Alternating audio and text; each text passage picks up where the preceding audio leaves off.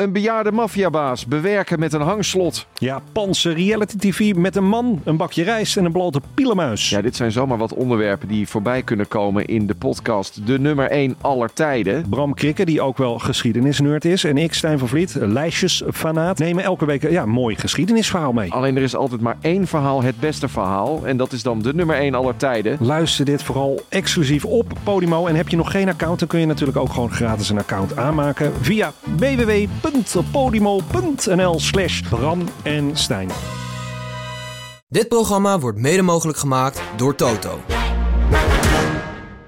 Heeft uh, Valverde al wel eens iets tegen je gezegd? En dit, is wel, dit is wel iets waar ik me een beetje voor schaam. Maar het is eigenlijk wel grappig om dit te vertellen. Ik zit er klaar voor. Ja. Ja, dit is eigenlijk wel echt een mooi verhaal. Eh, de dag dat Primos viel en Movistar doortrok, toen... eh, ja, ik, ik kwam daar op wonderbaarlijke wijze doorheen. Als ik dat filmpje nog wel eens nakijk, dan denk Door ik... die valpartij. ja, hoe heb ik dit gedaan?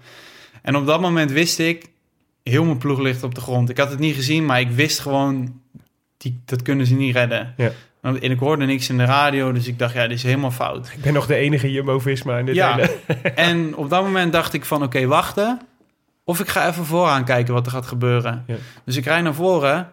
En ja hoor, Movistar met de hele ploeg voorrijden. Dus ik begon te schelden. En, en, en, maar ze keken me aan en ze reden gewoon door. Ja. Dus ik wachtte op Primos. En eh, nou, uiteindelijk kwamen we terug in het peloton. Na heel veel gevecht, of heel veel eh, Ja. op kop rijden met Astana. Uiteindelijk kwamen we terug. Ja. En de auto's. En eh, nou, toen waren we uiteindelijk terug in het peloton. Maar toen was het nog steeds oorlog, omdat het op de kant ging. En er kwam een rotonde aan naar links en daarna ging het op de kant. Of, of ik zag dat dat weer een beetje een hectisch punt was. En ik zag van verder zitten.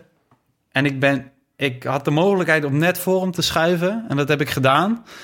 en in die rot- op die rotonde heb ik gewoon in mijn rem geknepen. En hij verloor 30 plekken. En hij flipte compleet. En nu, nu achteraf denk ik van ja, dat had ik misschien beter... Het is niet nodig, maar ik was zo boos van... Zo'n leuke passief-agressieve Dit actie. is geweldig. Dit is een beetje als Ekkelenkamp, die Cristiano Ronaldo op het middenveld dit ineens naar de grond Dit is, trekt. dit is ex- de exacte goede vergelijking. Dus ja, hij, hij flipte hem compleet op mij. Maar, en ik, ik deed net alsof er niks gebeurd was. Maar het is toch een beetje, dit kan je dragen met trots, toch? Een- Een Valverde die tegen je flipt omdat jij hem een trucje flikt. Ja, maar ja, het was gewoon echt een, eh, een naaistreek. Want hij kon geen kant op. Hij moest ook remmen door mij. En hij verloor 30 plekken. maar ik was op dat moment zo boos om wat er gebeurd was. Nog steeds. Dat ik eh, dat op dat moment... Ik dacht van, ik doe dat gewoon. Ik het Voorlopig geen aanbieding van eh, Movistar. Dus Die gaat nooit komen, denk ik. Nee.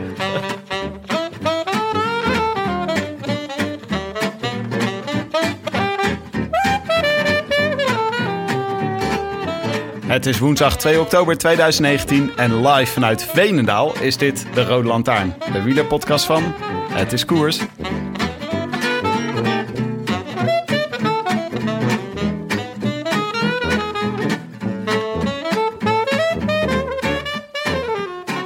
Vuelta van 2019 was nog geen 9 minuten onderweg of hij leek alweer voorbij. Nielsen, Paulus, Primoz Roglic en Steven Kruiswijk gleden onderuit. Net als de man bij wie we vandaag op visite zijn in Veenendaal. Wat volgde was een eerste week met een kapotte heup, een lijf vol pijnstillers en een hoofd vol twijfels en bijgestelde ambities. Van, ik wil deze Vuelta absoluut uitrijden naar, al kan ik maar één keer bidonnen halen, dat is al meer dan niks. En het zou zomaar kunnen dat ik nog moet afstappen, ja. Maar een mens weet ook, wielrennen is een katholieke sport en daarbij hoort nou eenmaal een wederopstanding zo nu en dan.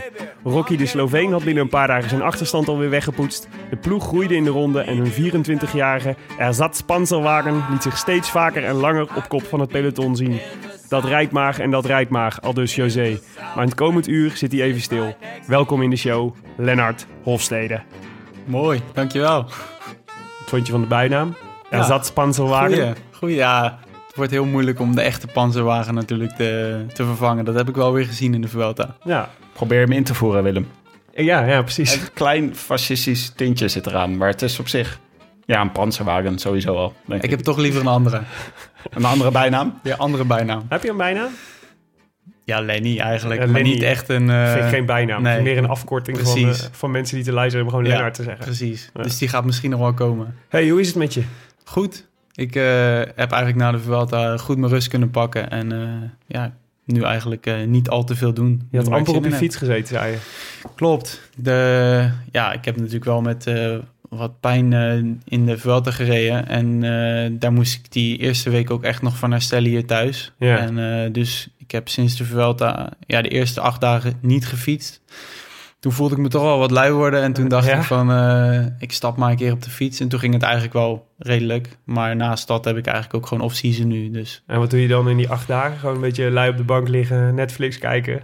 Ja, ik, ja eigenlijk wel. Ja. Ik merkte dat alles in mijn hoofd even wat langzamer ging. Ja. Beslissingen maken duurde heel lang. En eh, ja, ik, ik hoefde ook niks, dus het maakt ook niet uit. Dus ja, veel Netflix kijken en eh, een beetje familie zien, vrienden zien. Ja. Dat eigenlijk. En is het nu al, voelt het nu al, je zei, je zei net al dat het een beetje als off-season, al een beetje off-season was. Je moet nog een paar koersen op het programma volgens mij. Ja, eigenlijk alleen nog Japan. En, eh, maar voor, ja, voor de Vuelta eh, wist ik eigenlijk al dat het vijf weken zou zijn tot Japan. En Ja. Japan is eigenlijk vooral een koers voor de sponsor, voor Bianchi. Ja. Dus eh, ja, vijf weken doortrainen voor die wedstrijd eh, was eigenlijk sowieso niet het plan. En toen had ik ook nog, zat ik ook nog met die blessure. Dus toen eh, Ja. ja, was het plan om gewoon mijn rust te pakken en een week voor Japan weer een beetje in gang te schieten. Ja. En dan alweer eh rustig te beginnen voor het volgende jaar. Dus lekker even relaxen nu. Ja, heerlijk. Ja, na zo'n tijd wel lekker, denk ik. Hoezo, Ja. hoezo is Japan een, eh, een koers voor de sponsor? Want het is toch een Italiaans merk?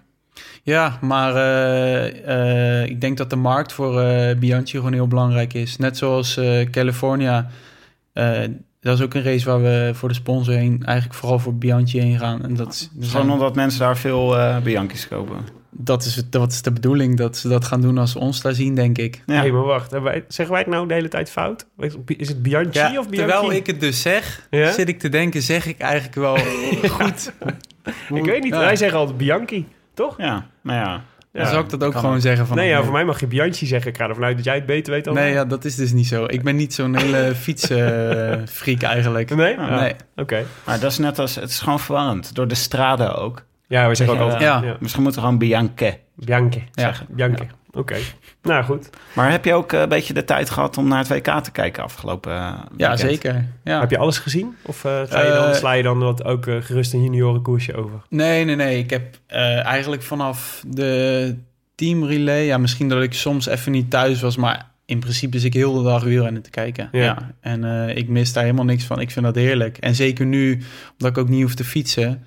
Ja, al, eh, al begint het eh, om tien uur en om, het eindigt om zes uur, bij wijze van spreken. Ja. Dan, dan heb ik alles gezien, zeg maar. Ja? Ga je echt, je, zit je echt alles te kijken? Of zijn er ook momenten dat je een beetje afdwaalt en dat je even de was gaat opvouwen? Of gewoon actief jawel. te kijken? Dat gebeurt wel, tuurlijk. En, eh, maar in principe staat hij altijd aan en ben ik in deze kamer. En ik, het- ik dwaal wel eens af, ik doe wel eens wat dingen, maar ik mis eigenlijk heel weinig. Nou, je weet natuurlijk uit ervaring wel wanneer de belangrijke momenten zijn dat je even moet opletten. Ja, daarom. Ja. Maar bijvoorbeeld zo'n juniorenkoers of de beloftekoers, ja, dat, dat, ik, dan weet ik vanzelf van vroeger dat dat gewoon super eh, leuke koersen zijn om naar te kijken. Dus Ja. dan eh, zie ik eigenlijk Ja. alles wel. Heb je die zelf ook gereden op de WK? Ja, en eh, daar heb ik nog een hele mooie foto van hangen in mijn kamer. Ja. Eh, dat was in, in Valkenburg, Ah. in Nederland. Ja. En eh, het, het, supermooie daaraan was dat wij om negen uur 's ochtends voor de prof starten. Ah ja. Dus ja, dat is, heel die Kouberg stond natuurlijk al vol voor de profs. Ja. En eh, ja, dat, dat vergeet ik nooit meer. Reed je een beetje gaaf. lekkere koers? Ik werd volgens mij iets van 46ste of zo. Oké. En dat was toen ook met Mathieu van der Poel, Sam Omen, eh Piotr Havik, Marijn Korenwaar en Ricardo van Dongen. Oké. Dus dat was nog wel eh, Een aardig ploegje. aardig ploegje, ja. Ja. ja. En wat, hebben, wat is het beste wat jullie gereden hebben toen tijdens die... eh, wat was de hoogste Nederlandse eh, notering? Mathieu was negende.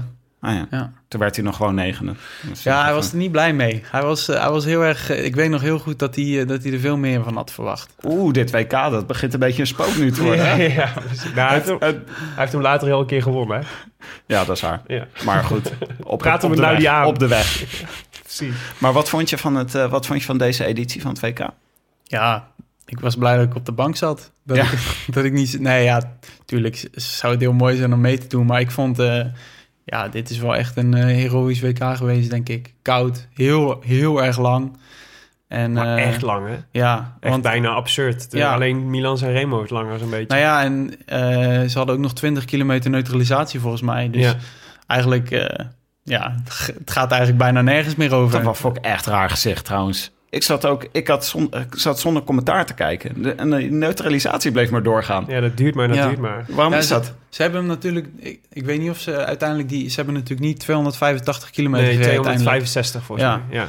En Maar- die 20 kilometer die eruit waren, die waren echt hels. Ja ik, Ja. Snap, ja, ik snap dat ook niet zo goed. In de Vuelta hadden we af en toe ook... eh, of sowieso maak je dat wel eens mee in het jaar... dat je een neutralisatie al lang uit de stad bent... en dat het nog maar doorgaat. Ja. Ja, ik weet ook niet wat daar de reden van is. Volgens mij Jetse Bol zei dat, dat hij volgens mij aan alleen al neutralisaties nog een extra Vuelta-etappe had gereden. Ja, ja, het, was, het was echt heel lang af en toe. Ja. Misschien heel enthousiast. Weet je, als je dan toch degene bent die die neutralisatiewagen mag rijden, dat je dan denkt, nu neem ik het er even van. Ja, precies. We Misschien is dat het. Ja. Tussen de renners zit je dan natuurlijk wel met die auto.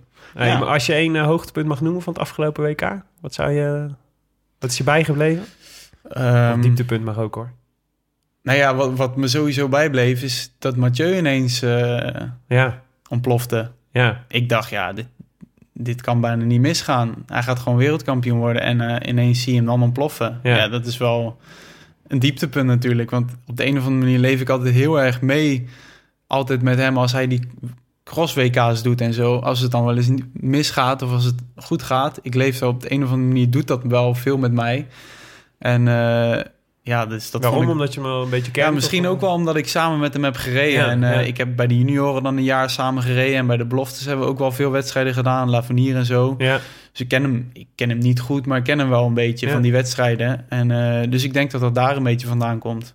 ja, dus het deed ook nog een beetje pijn toen hij... eh, Ja, plofte. eigenlijk wel. Ja, Volgens Ken mij heel Nederland stond met de handen in het haar van wat is dit joh. ja. Ja. Kende jij dat van hem? Die, ik vond het wel een vrij heroïsche manier van ontploffen ook. Het was zeg maar niet lossen of niet mee kunnen, maar het was gewoon fiets aan de zijkant en Mm. totaal stilstaan. Ja, en hij zegt zelf, ik, ik, weet het, niet- ik weet het echt niet, maar hij zegt zelf dat het geen hongerklop was of wat dan ook. Maar ik denk toch dat het of een hongerklop was of de kou. Ja. Ik, Ja. ja, Maar dan echt bevat door de kou of zo. ja, zoiets. Ja. Ik, ja, ik heb geen idee. Heb je maar- wel zoiets gehad in de koers? Ehm, ja, vast wel. Of op een ja, training?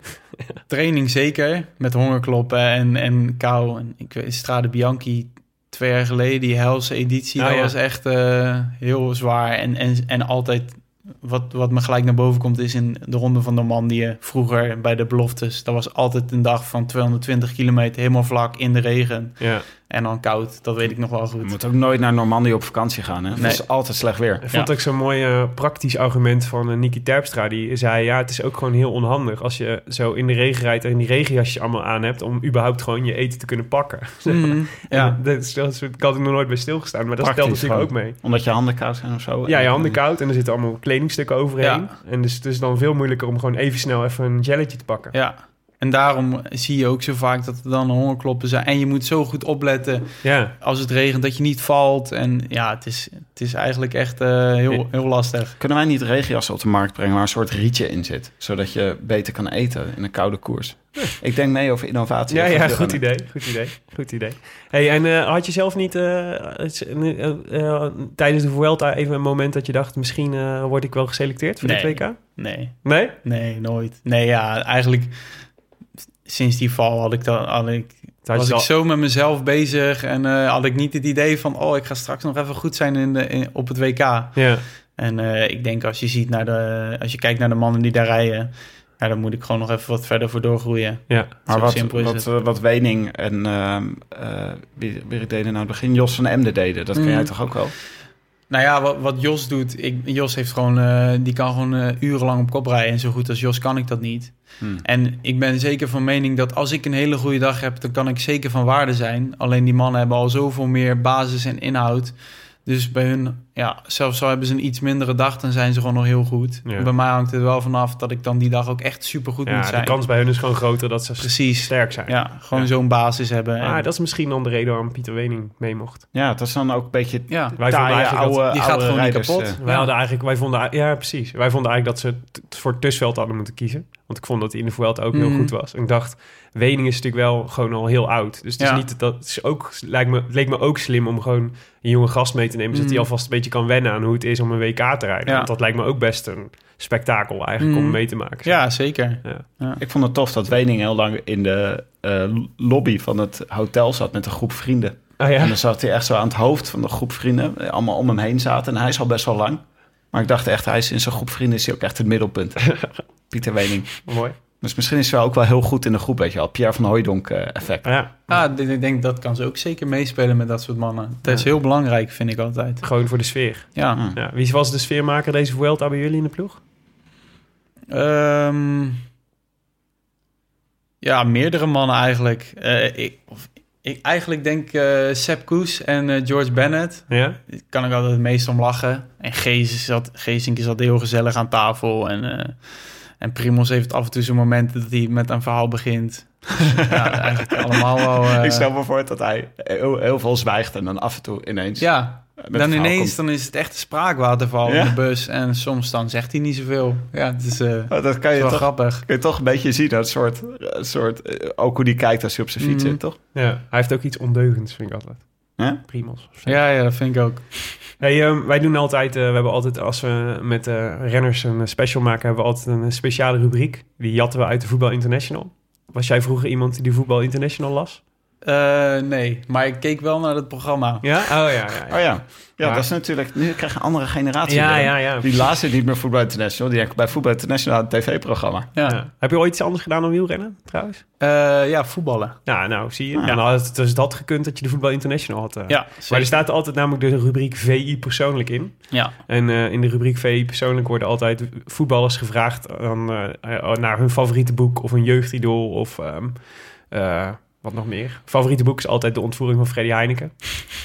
Was het in ieder geval altijd in onze tijd, hè, Tim. Het was echt bij elke voetballer zo. Het was echt eh, een voetbalklassieker. Maar dat zijn dus twintig vragen. En eh, van die twintig vragen mag jij er, eh, mag jij, eh, dus je mag een nummer noemen tussen de 1 en de 20. En dan gaan we daarover praten. vijf. Muziek. Wat mijn favoriete muziek is. Ja. Oh, dat, is dat is heel erg breed. Ik moet zeggen dat ik nu de laatste tijd veel van Bruce Springsteen luister. Ah, Eh, gewoon keuze. oude, oude albums. Eh, ja, ik was een beetje gitaar aan het spelen en toen... Ik zag hem toen- liggen, ja. Ja, ik kan nog niet super goed, alleen ik kan The River nu een beetje spelen. Oh. En toen heb ik dat, ja, ging ik die eigenlijk opzetten. En toen kwam ik toevallig in zijn hele album terecht. Ja. En toen luisterde ik dat heel veel. Ja. En dat vond ik eigenlijk wel heel goed. Kende ik nog niet super goed. En, maar voor de rest, ja, eh, veel, ook veel dancemuziek. En eh, ja. eigenlijk echt heel veel. Maar je bent dus echt net begonnen met proberen gitaar te spelen. Ja, ik denk, ja, het was op hoogtestage, denk ik. Net na het NK. Ja? Ja. Toen dacht je, ik koop zo'n ding en ga het proberen. Ik heb hem al gekocht op mijn verjaardag. Dat is in 29 december geweest. Ja. En toen dacht ik van, ik had gewoon in mijn hoofd, ik wil graag gitaar leren spelen. We hebben als wielrenner natuurlijk redelijk wel veel, veel tijd. Ja. En eh, toen heb ik eigenlijk heel lang niet die gitaar aangeraakt. En toen kwam ik eigenlijk via een vriend van me in contact met iemand die mij gitaar kon leren spelen. En, eh, En dus nu heb je gewoon echt les ook. nou ja, ik moet zeggen, ik ben drie keer geweest en de lessen zijn, en de lessen zijn heel simpel. Dus ik moet van Ja. het E, de eerste les was van ik moet naar, van het E-akkoord naar, de, naar het C-akkoord en dat Ja. heel de tijd wisselen. Ja. En de tweede les was, eh, kreeg ik nog drie akkoorden erbij. En nu kan ik die gewoon blind eigenlijk Ah ja. wisselen. Ja. En de derde les was ja, wat meer over tokkelen. Dus Ja. ik kan nu wat nummertjes eh, wel spelen, niet uit mijn hoofd. Dan moet ik wel kijken naar, ja, naar de akkoorden. Maar het gaat wel ergens naartoe. Nou, ik vind tempo, dat tempo er best in zit. Ik ging eh, volgens mij over één akkoord, had ik een paar lessen nodig. Ja, maar ik zat natuurlijk ik zat drie weken op hoogte Ja, op dus een berg in. Oostenrijk. en eigenlijk in de auto daar naartoe heb ik eigenlijk al heel de tijd zitten die combinaties zitten maken. En ja, dat ging zo snel. Ja. Dus eh, ja. Pantani speelde ook gitaar, toch? Was hij niet eh, dat hij altijd, dat, dat ze altijd zeiden dat hij in de winter dan gitaar ging spelen in cafés? Oh, dat weet ik niet. Nee, dat Ja, weet ik ook niet. Volgens mij wel. Dat zou ik Ik wel echt het schitterend vinden als dit echt waar is. Ja. Ja. Nou, laat ze dit vooral niet checken. Hey, Heb je nog geen... Nee, eh, nee, je moet Oh. door, Willem. Oh, heb je nog een ander nummer? Eh, elf. Boek. Ehm, Wat lees je nu? Nu op dit moment Ja. een boek van Paulo Coelho. Ah, ja. De, volgens mij de bescherming. Hij ligt, hij ligt op, bij mijn bed. Ja, ik heb daar nog een paar boeken liggen en in die kast liggen heel veel boeken. Ik lees eigenlijk van Harlan Coben, vind ik ook heel goed. Mhm. En vooral heel veel boeken over eh, ja, persoonlijke ontwikkeling, dat soort, dat genre. Oh, Self-improvement boeken. Ja, vind ik heel mooi. Eén keer, ik ben ooit Maar dan gerelateerd aan sport of eh, gewoon in Ook. het, in het leven? Allebei, maar Ja. eigenlijk meer, meer het leven, omdat je aan het sport niet per se super veel boeken hebt. Ja. En gerelateerd meer aan het leven wel. En ik ben ooit begonnen met eh, Logica van Geluk. Mhm. Dat was mijn eerste boek en toen dacht ik, wauw, dit is zo gaaf. Ja. Wat is dat voor boek? Eh, Logica van Geluk is een boek van Mo Gaudat. En dat is een, iemand die werkt bij Google X. Hmm. En eh, die heeft een boek geschreven en ja, dat vond ik echt... En wat heb je eruit onthouden? Ehm, ja, heel veel. Ja. Ehm, ja, hoe, ja, hoe je naar bepaalde dingen kijkt, hoe je met je naast omgaat en Mhm. eh, me- ja, dingen over geluk. En dat heeft voor mij wel echt eh, anders naar eh, dingen doen kijken, zeg maar. Ja. Is echt goede informatie voor de biograaf van Lennart over een paar jaar. ja, precies. Ja. Moet u dat boek als eh, secundaire literatuur raadplegen? In, de, in de bronnenlijst. Hey, en tijdens de, en tijdens een Vuelta lees je dan ook veel? Als je Ja. s'avonds? Of ben je daar te moe voor? Nee, ik heb eigenlijk, denk vier boeken uitgelezen in de Ja? Vuelta. In de bus heel veel. We hadden best wel veel lange verplaatsingen. En dan zet ik pianomuziek op, op mijn oren. En dan eh, ben ik gewoon in mijn eigen wereld aan het lezen. Haga special, zeg maar. Nee, nee, eigenlijk niet. Nee, gewoon één, één tonig, heel de tijd hetzelfde. Ja, En dan eh, lezen vind ik heerlijk. Ja. Ja. tof. Wat was het beste boek wat je gelezen hebt? Willem, je blijft echt te lang bij die nummertjes Oh, hangen. sorry. Dat is eh, Oké. gewoon even een ander doen. We komen zo meteen op de Vuelta. Oké, je mag er nog één noemen. Dan gaan wij. Eh, 18. Trainer. Eh, met mijn huidige trainer, dat is Tim Heemskerk. Ja, favoriet, het is eigenlijk favoriete trainer, toch? Trainer, belangrijke trainer. Oké. Een belangrijke Een trainer. belangrijke voor je. trainer in je leven. Eh, nou ja, een die, op, die heel veel indruk op mij heeft gemaakt... of waar ik ook een hele goede band mee had... was Hendrik Werner van eh, Sunweb. Ah, ook ja. de trainer van nu van Sam en van Tom geweest. En eh, daar ben ik wel twee keer in Mallorca geweest. En ja, heel hele bijzondere man. Ja? Ja. Wat is er zo bijzonder aan?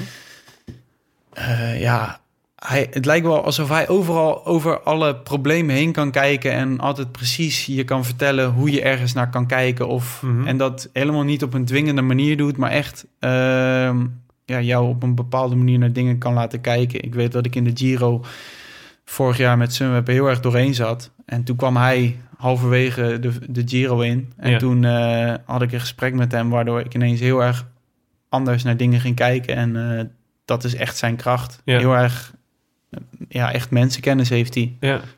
Heeft, volgens mij zei eh Dumoulin ook in eh, de podcast van Laurens ten Dam, waar hij te gast was, dat hij eh, Hendrik Werner heel erg ging missen. Ja, Ja. ja, ik ook. Ik heb nog steeds wel contact met hem af en toe. En is gewoon een hele goede trainer. Ja. Maar ik moet zeggen dat mijn huidige trainer... Ja, ik heb gewoon een supergoed jaar gehad. En daar heeft mijn huidige trainer Tim Heemskerk ook gewoon een hele goede, heel groot aandeel in gehad. Dus ja. dat werkt eigenlijk ook heel goed. Is hij dan ook degene die trainingsprogramma's voor je maakt? Zo, dat je een mailtje krijgt van je moet vandaag zoveel kilometer rijden en morgen zoveel. Ja, we hebben een Trainingspeaks app. En daar, eh, ja, dan overleggen we eh, een beetje hoe ik me voel en wat, waar we naartoe gaan. En, eh, Dat ja, doe je dan gewoon telefonisch ja, overleg of zo? ja, we bellen of we appen. En dan, eh, hij maakt eigenlijk de grote lijn en ik vertel een beetje hoe ik me voel. Of, of we bespreken een beetje wat het doel gaat zijn van de training. En, Ja. eh, zo gaat het eigenlijk. Oké. Wie zit er dan nog meer bij hem? Zitten, ze zijn toch verdeeld? Ja, Dus ja, andere- eh, we hebben volgens mij ja, we hebben vier trainers. Marijn Zeeman is zeg maar de, de overkoepelende eigenlijk een beetje. En dan eh, hebben we Mark Lammerts van, eh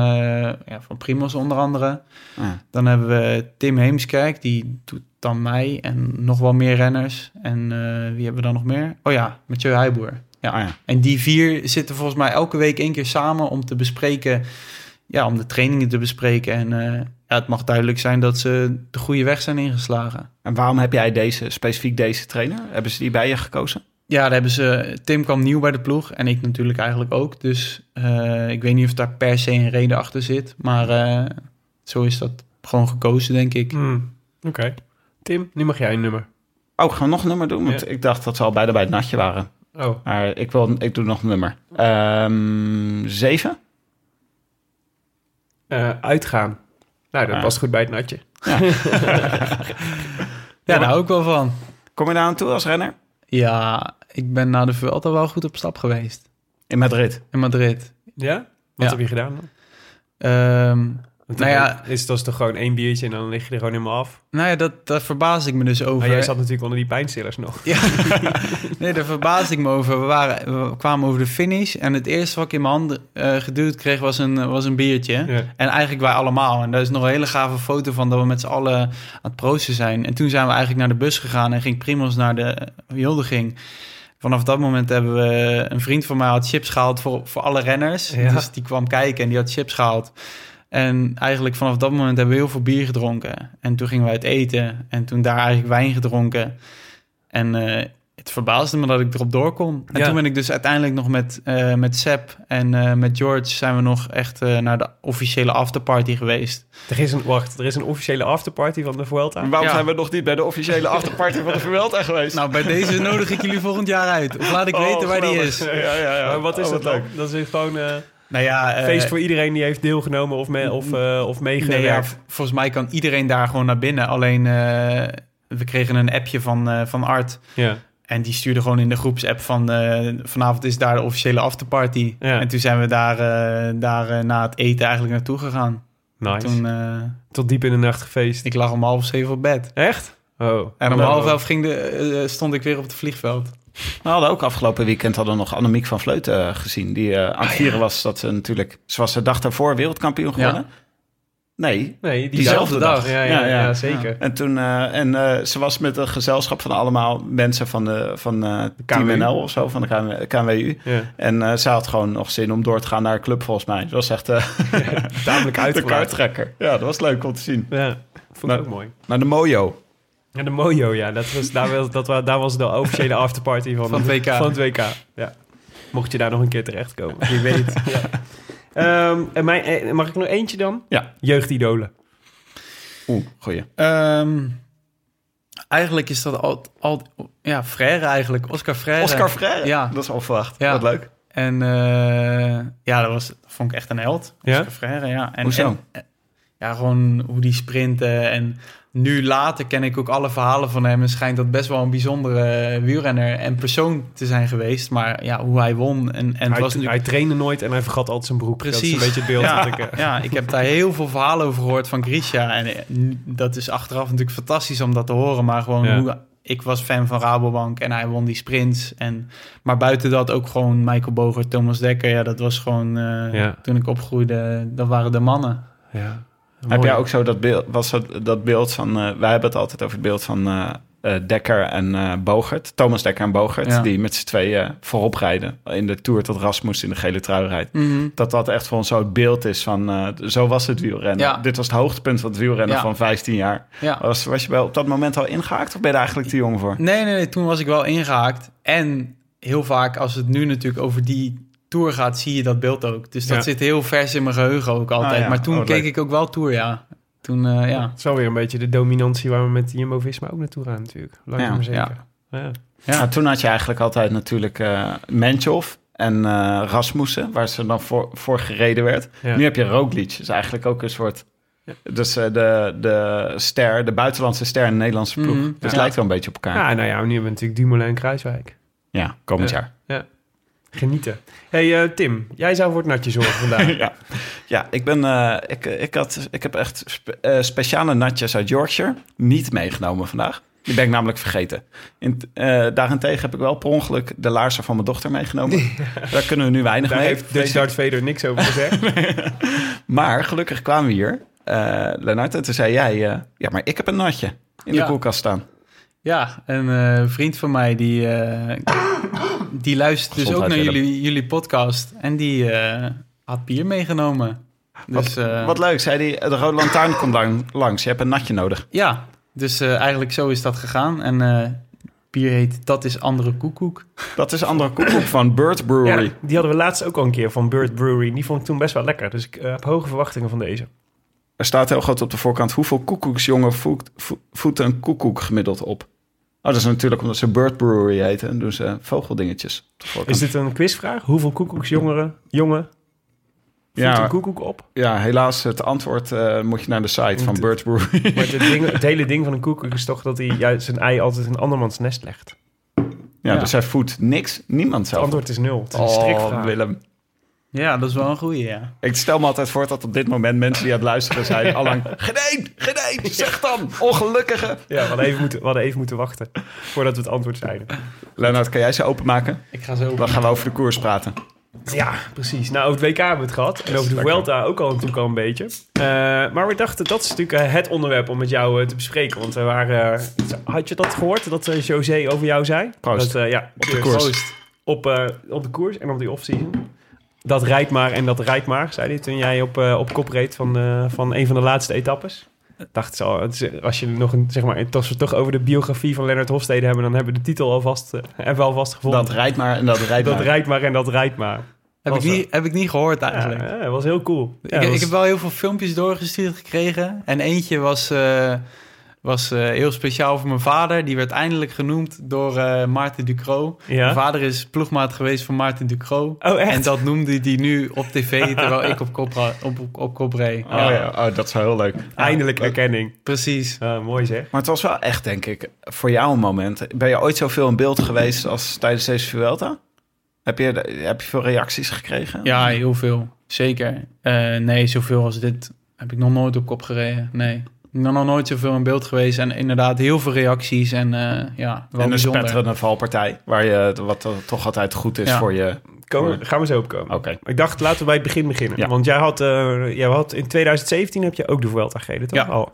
En toen was je na, na tien dagen of zo moest je Ja, uit? na de elfde rit eh, ben ik ziek geworden. Ja, en toen was het natuurlijk, dat is natuurlijk kloten. Ja, Eh. heel klote. Ja, maar eh, en toen mocht je nu weer in de Vuelta. Dus je zei, ik zei al, het doel was, eh, wat er ook gebeurt, ik wil al deze keer uitrijden. Ja. Ja, Nou ja, eigenlijk was ik niet...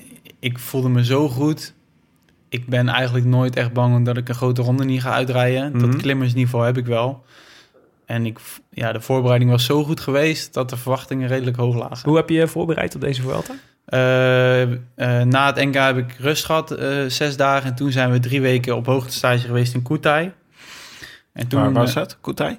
Oostenrijk. Hm. Ja, in de buurt van Sulden en zo. En eh, daar zaten we dus gewoon drie weken lang met bijna de hele ploeg, behalve de toerrenners, op eh 2000 meter hoogte. Super goed getraind. En eh, daarna de ronde van Polen. En dan naar de Vuelta. Dus dat was perfect. In eh, de ronde van Polen voelde ik me echt goed. Ja. En anderhalve week voor de Vuelta op training begon ik echt te voelen van... oké, nu ga je echt heel goed zijn. Ja. Dus En hoe voel je dat dan? Waar voel je dat aan? ja, ik, ik, ik, had een, eh, ik had echt een verschrikkelijk lange training gedaan. Volgens mij eh, zeven uur lang. Met super hoge wattages en super veel kilometers. En vond- Heet dat, is dat dan de out-of-comfort training? ja, ik vind, ik vind dat op de een of andere manier... Ja, eigenlijk wel. Ik vind het mooi Ja. om daar gewoon dan helemaal een plan te maken van... oké, die dag ga ik een hele lange rit maken. En dan inderdaad out of comfortzone. Ja. En eh, langer dan de trainer opschrijft en gewoon, gewoon rijden. Ja, Ja. En dat ging goed.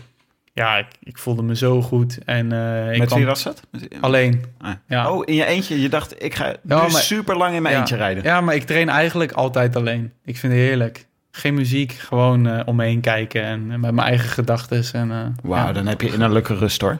ja, heb ik ook wel. ja. En daar krijg je dat ook van. En zeker in dit gebied, ik, eh, ik vind Ja. het heerlijk. Ja. Oké. En dan dus, eh, die ronde van Polen was natuurlijk nog wel tamelijk, tamelijk dramatisch. hoor. Ja, Ja. dat was wel, eh, wel heftig. Wij zaten ook in hetzelfde hotel. En ja, s ochtends zit, je- ja, zit, je wij, zit je aan tafel zoals wij nu aan tafel zitten. En echt de tafel achter jullie, zeg maar, was waar hun zaten. En eh, ik kende hem wel een beetje. Ik praatte wel met hem van de belofte Ja. natuurlijk. Ja.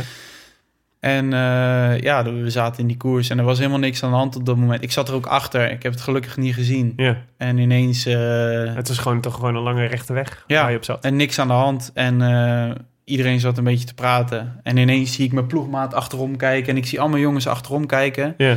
Dus ik denk, wat is hier aan de hand? Maar toen kwam ik 15 kilometer later bij mijn ploegmaat. Ik zeg, oh, wat was er aan de hand?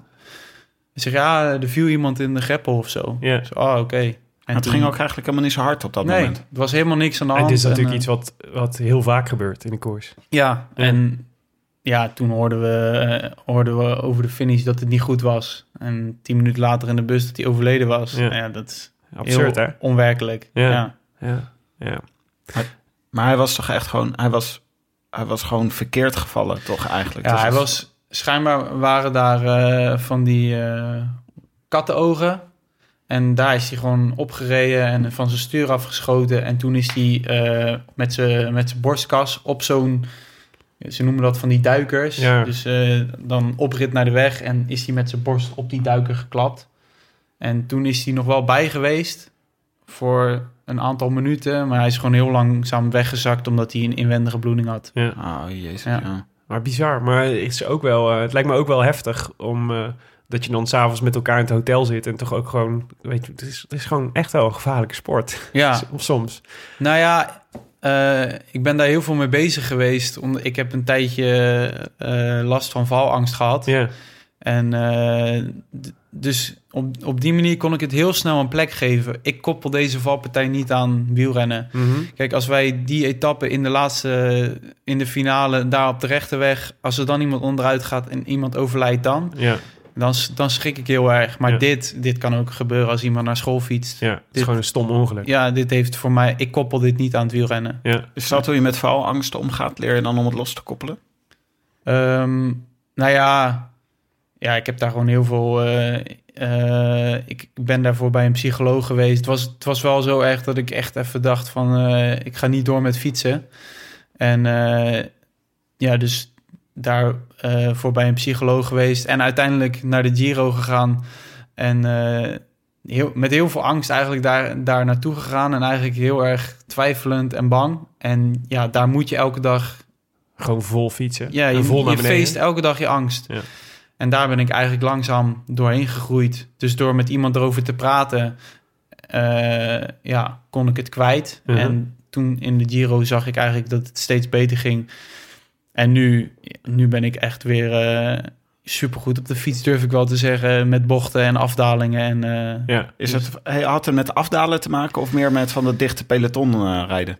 Op een gegeven moment alles. Op een gegeven moment zat ik hier op de bank zelfs valpartijen af te spelen. En, maar het was niet per se dat ik... Ja, ik ben wel eens hard gevallen, maar er kwam op een gegeven moment gewoon een punt in mijn carrière dat er een valpartij was en ik viel niet. En toen... Ik ben wel een denker, dus ik ging daarover nadenken. En toen dacht ik van, ja, wat ben ik eigenlijk aan het doen? Ja. En toen dacht ik van, oké, ik, ik eh, kijk niet meer naar valpartijen. Ik praat er niet meer over. Ik doe het net alsof het niet bestaat. Dat heb ik eigenlijk vier of vijf jaar lang zo gedaan. En, Dat eh, bleek toch niet helemaal de winnende strategie te zijn. Nee, en toen kwam het dus steeds meer omhoog. Waar de, en op een gegeven moment kwam ik over de streep heen. Dat was in mijn eerste jaar bij Sunweb aan het eind van het jaar. En dan dacht ik, hé, gelukkig niet gevallen vandaag. Ja. Maar dat is helemaal niet hoe je je sport moet beleven natuurlijk. Nee. En toen werd het uiteindelijk steeds erger. En toen eh, hulp gezocht. En eh, hebben er meer renners daar last van? daar ben ik van overtuigd. En ik zie ze in het peloton soms ook wel eens rijden. Alleen wat voor mij ook heel erg zo, zo was van... Ja, in, in hoeverre heb je het net zo erg als anderen? Of, of is dit echt erg, zeg maar? Ja, ja, ja. Maar ik, ja, ik ben ervan overtuigd dat meer jongens die hier last van hebben. Ja. Ja, Ik snap dat echt heel goed. Je hebt nog afgelopen eh, weekend eh, geleerd om dicht op iemand te fietsen, toch? Als Ja. je moet... eh, Ja. vertelde je dat je daar eh, dat je dat, dat, dat echt Van- heel anders voor je was dan je van tevoren verwachtte? Van Bogert en een trainer van de KNWU, ja. Die gingen leren hoe je in een peloton moet fietsen. Mhm. Dat je dan, zeg maar, hoe je je lijf moet gebruiken als soort stootkussen en zo. Ja. Ik vond het echt ja. Doe je dat nu ook? Kan je dat, vind je het ook geen probleem om iemand eh, een beuk eh, te geven als, er, als het dringen wordt? Nou, ik moet eerlijk zeggen, kijk eerst altijd wel wie het is. Oh ja. Dus als het, Dat is een, altijd wel slim, ja. als het een of andere... Boehami een beuk geven. Ja. Precies. Als het zo'n man is, of, of een of andere sprinter, of een hele grote gast, dan kijken we uit. Maar als ik weet, ik kan hem hebben, dan, eh, dan gooi ik hem ervoor, ja. Ja, Quintana, dus eh, geen Zeker. Gelijk. Van verder ook. ja, precies. Dus dan begint eh, de Vuelta begonnen en je was helemaal in, eh, in topvorm. Eh ploegentijdrit lijkt me niet iets wat jij heel vaak had gedaan al. Nee. Klopt. Ja. En, eh en eh, hadden jullie daar wel flink op getraind met, eh, met de ploeg? Ehm, nou, eigenlijk niet extreem veel eh samengereden. Ja. Maar eh, ja, met iemand als Tony in de ploeg heb je, heb je eigenlijk al, al sta je al 1-0 voor omdat je zoveel mentale rust creëert hij eigenlijk. Dus Ja. we hebben de dagen daarvoor heel wat ploegentijdrit trainingen Waarom? Omdat gedaan. hij gewoon zo goed is of omdat hij jullie ook omdat coacht? hij ons coacht. En, Ja. en je weet gewoon, die gaat niet stilvallen. Ja. Die gaat altijd een bepaald tempo kunnen rijden. En eh, die heeft zoveel ervaring. En dat deelt hij ook echt, echt duidelijk met ons. Ja. En, eh, dus ja, we hebben wat, wat eh ploegentijdrit trainingen gedaan. Net, net voor, de, voor de start. En eigenlijk die dag ervoor had ik nog wel een beetje twijfels met die trainingen. Ja. Had ik het wel een beetje moeilijk af en toe. Maar als zo'n dag dan eraan komt, dan weet ik vaak van, dan, dan kan ik dat. En was dan, wel, eh, jullie sta ik waren wel echt de topfavoriet Ja. van tevoren. Ja, Ja. en ja, je, weet, je kan nooit zeggen of je had gewonnen, maar eh, uiteindelijk had Nou, Quick- jullie hadden gewoon gewonnen hoor. uiteindelijk zat Quickstep natuurlijk op twee seconden. En die hadden waarschijnlijk gewonnen als ze onze auto niet tegengekomen waren. En Ja. die zaten op het tussenpunt ook iets van negen seconden achter, net als ons. Ja. En eh, ik zou nog een, eh, een suicide pool doen, zeg maar. Dus me helemaal opge- opbranden met een bird. En ik voelde me nog zo goed. Dus ik dacht van, Ja. Ja, er zit, er zit nog heel veel in. Ja, maar hij was pas... suicide, suicide pool? Ja, dus, Dus dan... zo noemen jullie dat? Ja. Dus dan, dan blaas je jezelf, dan denk je gewoon... de komende vijf kilometer geef ik alles. Nou ja, vijf kilometer is heel lang in zo'n explosieve ploegentijdrit. Maar eh, bijvoorbeeld Laurens de Plus deed het ook in de Tour. Die, dan doe je gewoon één beurt van een, van een kilometer of van twee kilometer zo hard mogelijk. Ja, niet sprinten, maar gewoon Ja. zo hard mogelijk om dan die andere nog langer uit de wind te houden. En dan stuur je uit en dan ben je gewoon klaar, zeg maar. Maar het verbaasde me wel, want ik was... ehm, ik wist niet precies wat voor soort renner jij was. En daar hadden we nu in de Vuelta hadden we dus tijd om daar wat Mhm. uitgebreider mee kennis te maken. Maar eh, de commentatoren eh, zeiden de hele tijd eh, dat jij een soort hard... dat jij vooral een hardrijder was. En dat je op die manier ook mee was genomen... en dat je dat dus heel erg goed kan tijdens zo'n tijdrit. Maar ik dacht dat je ook iets meer... Je, was, je bent ook goed bergop, toch? Mhm. In, wa, in wat voor rol werd je dan meegenomen in de ploeg? Ehm, nou ja, de rol, eh, de rol voor mij binnen deze Vuelta... en eigenlijk ook eh, toen Marijn Zeeman mij belde voordat ik bij de ploeg kwam... is ze zochten gewoon een renner die... ehm, in, zoals eigenlijk in de Vuelta te zien was... ik kan eh, bergop nog heel lang mee... En nadat er dus een zware klim is geweest en er zijn al wat, heel wat mannen gelost, die dan nog op kop kan rijden. Dat, dat was mijn rol nu in de Vuelta en dat zoeken ze ook voor, eh, voor, voor in de grote rondes. Iemand die eigenlijk gewoon heel de dag op kop kan rijden. En ik kan, ik kan in, een, in een waaierrit kan je mij gebruiken. Eh, in een, in een lead-out, in de finale om de sprinter, maar in dit geval Primos vooraan af te zetten, kan je mij eigenlijk gebruiken. En als het gewoon een lastige rit is, eh, veel bergop, dan word ik ook niet zomaar gelost. Je bent gewoon een multitool. Ja, Is dat een beetje hetzelfde als eh, Mike Teunissen, zeg maar? Die, Nee. is dat- nee, Mike is veel explosiever dan, dan dat ik ben. En eh, veel meer die Vlaamse koersen natuurlijk. Maar als je aan mij zou vragen wat mijn specialiteit is, dan eh, is dat Luik, Bastenaken, Luik, dat werk. Ah ja. Limburg, de Ardennen, dat kan ik wel echt goed, denk maar dat ik. is eigenlijk door het commentaar van dat rijdt maar en dat rijdt maar. Dan ga je, krijg je gelijk zo'n tempobeulen gevoel Mm. erbij. Ja. Maar dat Zo is eindelijk eigenlijk hebben wij ook een Tim de Klerk, dat gevoel. Ja, maar dat is eigenlijk niet hoe ik... Nou ja, ik heb wel zo rondgereden, maar als je aan mij zou vragen... Ja, waar ligt je specialiteit? Ja. Dan is dat natuurlijk sowieso heel allround. Maar eh, in eh, wedstrijden zoals Luik, Bastenaken, Luik... bij de beloftes dan vooral. En eh, dat waren de wedstrijden waar ik hem in de kijker reed. Maar het is natuurlijk ook, jij bent nu 24, toch? Ja, Ja, dus het is ook natuurlijk, het gaat zich de komende jaren natuurlijk ook nog ontwikkelen en ga je ook nog ontdekken wat echt Ja. de grote, de grote talenten zijn. dat denk ik wel. Ja. Maar hoe is je... wa- Want dus als je in fitte conditie bent, ben je dan licht? Of probeer je, probeer je zwaar te worden? Eh, Probeer je zwaarder, probeer je meer spierkracht te Nee, krijgen? wel eh, licht te zijn. En ik moet zeggen dat het een, afgelopen jaren een redelijk bewuste keuze is geweest om niet al te veel daar al mee bezig te zijn. Ik ben daar bij de Rabobank wel eens veel mee bezig geweest. En toen zei ooit Tom Met je Stam, gewicht. Ja, Ja. toen zei ooit Tom Stamsnijder tegen mij van... eh Lenny, zolang, jij, eh, nog, ja, zolang jouw motor nog aan het groeien is... dan moet je daar niet mee bezig zijn. Je moet veel eten en je moet zorgen dat je motor goed kan groeien. En er komt een keer een punt in je carrière dat je daarmee bezig kan zijn. Ja. Maar dat is niet te vroeg. Oh ja, natuurlijk.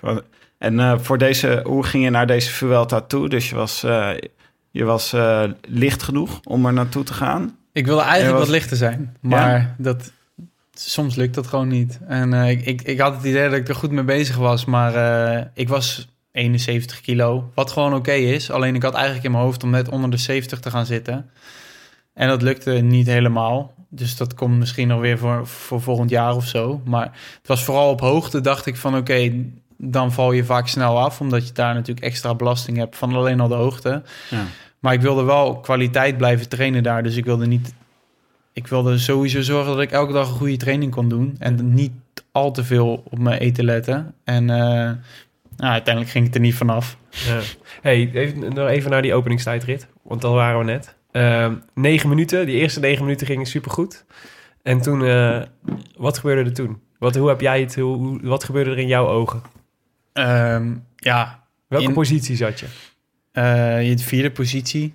En inderdaad, die, eh, die eerste negen minuten ging echt heel goed. En ik dacht van, wauw, dit, ik ga zo meteen echt nog een goede beurt doen. En eh, ja, we gingen naar beneden en dan was het rechts, rechts. En ik zat in vierde positie en ik zat gewoon, ja, we zaten gewoon echt goed. En we komen aanrijden op die rotonde en ik zie ineens water liggen. En op dat moment was het gelijk van, oké, dit gaat fout. Ja? En eh, ik Want wist... je dacht, je kan het niet meer opvangen of zo. Nou ja, eh, het is, het is in zo'n ploegentijdrit is, is het heel... Kijk, je, je moet aan de ene kant moet je volgen, maar aan de ene kant zeg je hoofd, er ligt water, dit gaat niet goed. Ja. Dus aan de ene kant rem je niet echt, maar aan de andere kant denk je, ik moet wel remmen. Maar als je te hard remt Ja. en die mannen voor je gaan niet onderuit en jij zit op 10 meter, dan, dan is dat ook niet goed. Dus ik, ja, je zit heel erg in een soort twijfel. En op dat moment rem ik wel. En volgens mij remde Primos niet. ja. En ja, ik, ik, ik zie ze Maar die zat voor gaan. jou, denk ik. Die toch? zat op kop. Oh ja, ja. En dan Nieuws en Paulus en dan eh, Kruiswijk. ja. En Je weet nog precies de volgorde hoe jullie Ja, de bocht ja. in gingen bij die valpartij. ja, ja, ja, maar dat is ook de volgorde waarin je traint en waarin je die ploegentijdrit rijdt. En eh, die verandert eigenlijk niet. En, en Roglic die viel voor je? Ja, ik, ik, we gaan... Het was een hele gekke bocht, een beetje zo omhoog en dan naar beneden. En ik zie dat water liggen en we gingen niet op dat water onderuit. Nee, pas de volgende bocht. Ja. Pas daarna. Maar ja, we hebben gewoon eh, vocht... Ja, dat water kwam op onze banden. En ja, ik zie Primos gaan en... eh, Ging je zelf ook?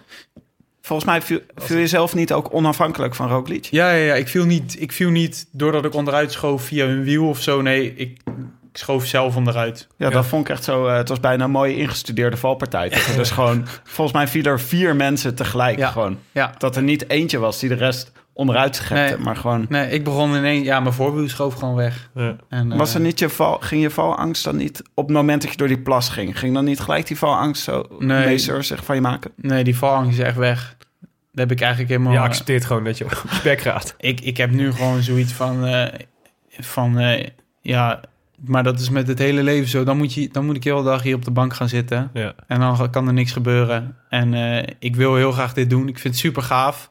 Maar daar hoort helaas ook vallen bij. Ja. En eh, En toen, toen lag je daar?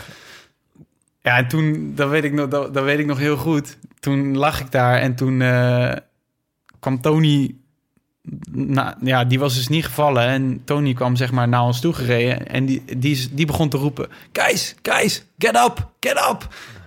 En ik, ja, op dat moment kon Een ik beetje ook, verdwaasd natuurlijk nog. ik kon ook niet echt opstaan. En het was natuurlijk vooral tegen Primos en Stevie. Ja.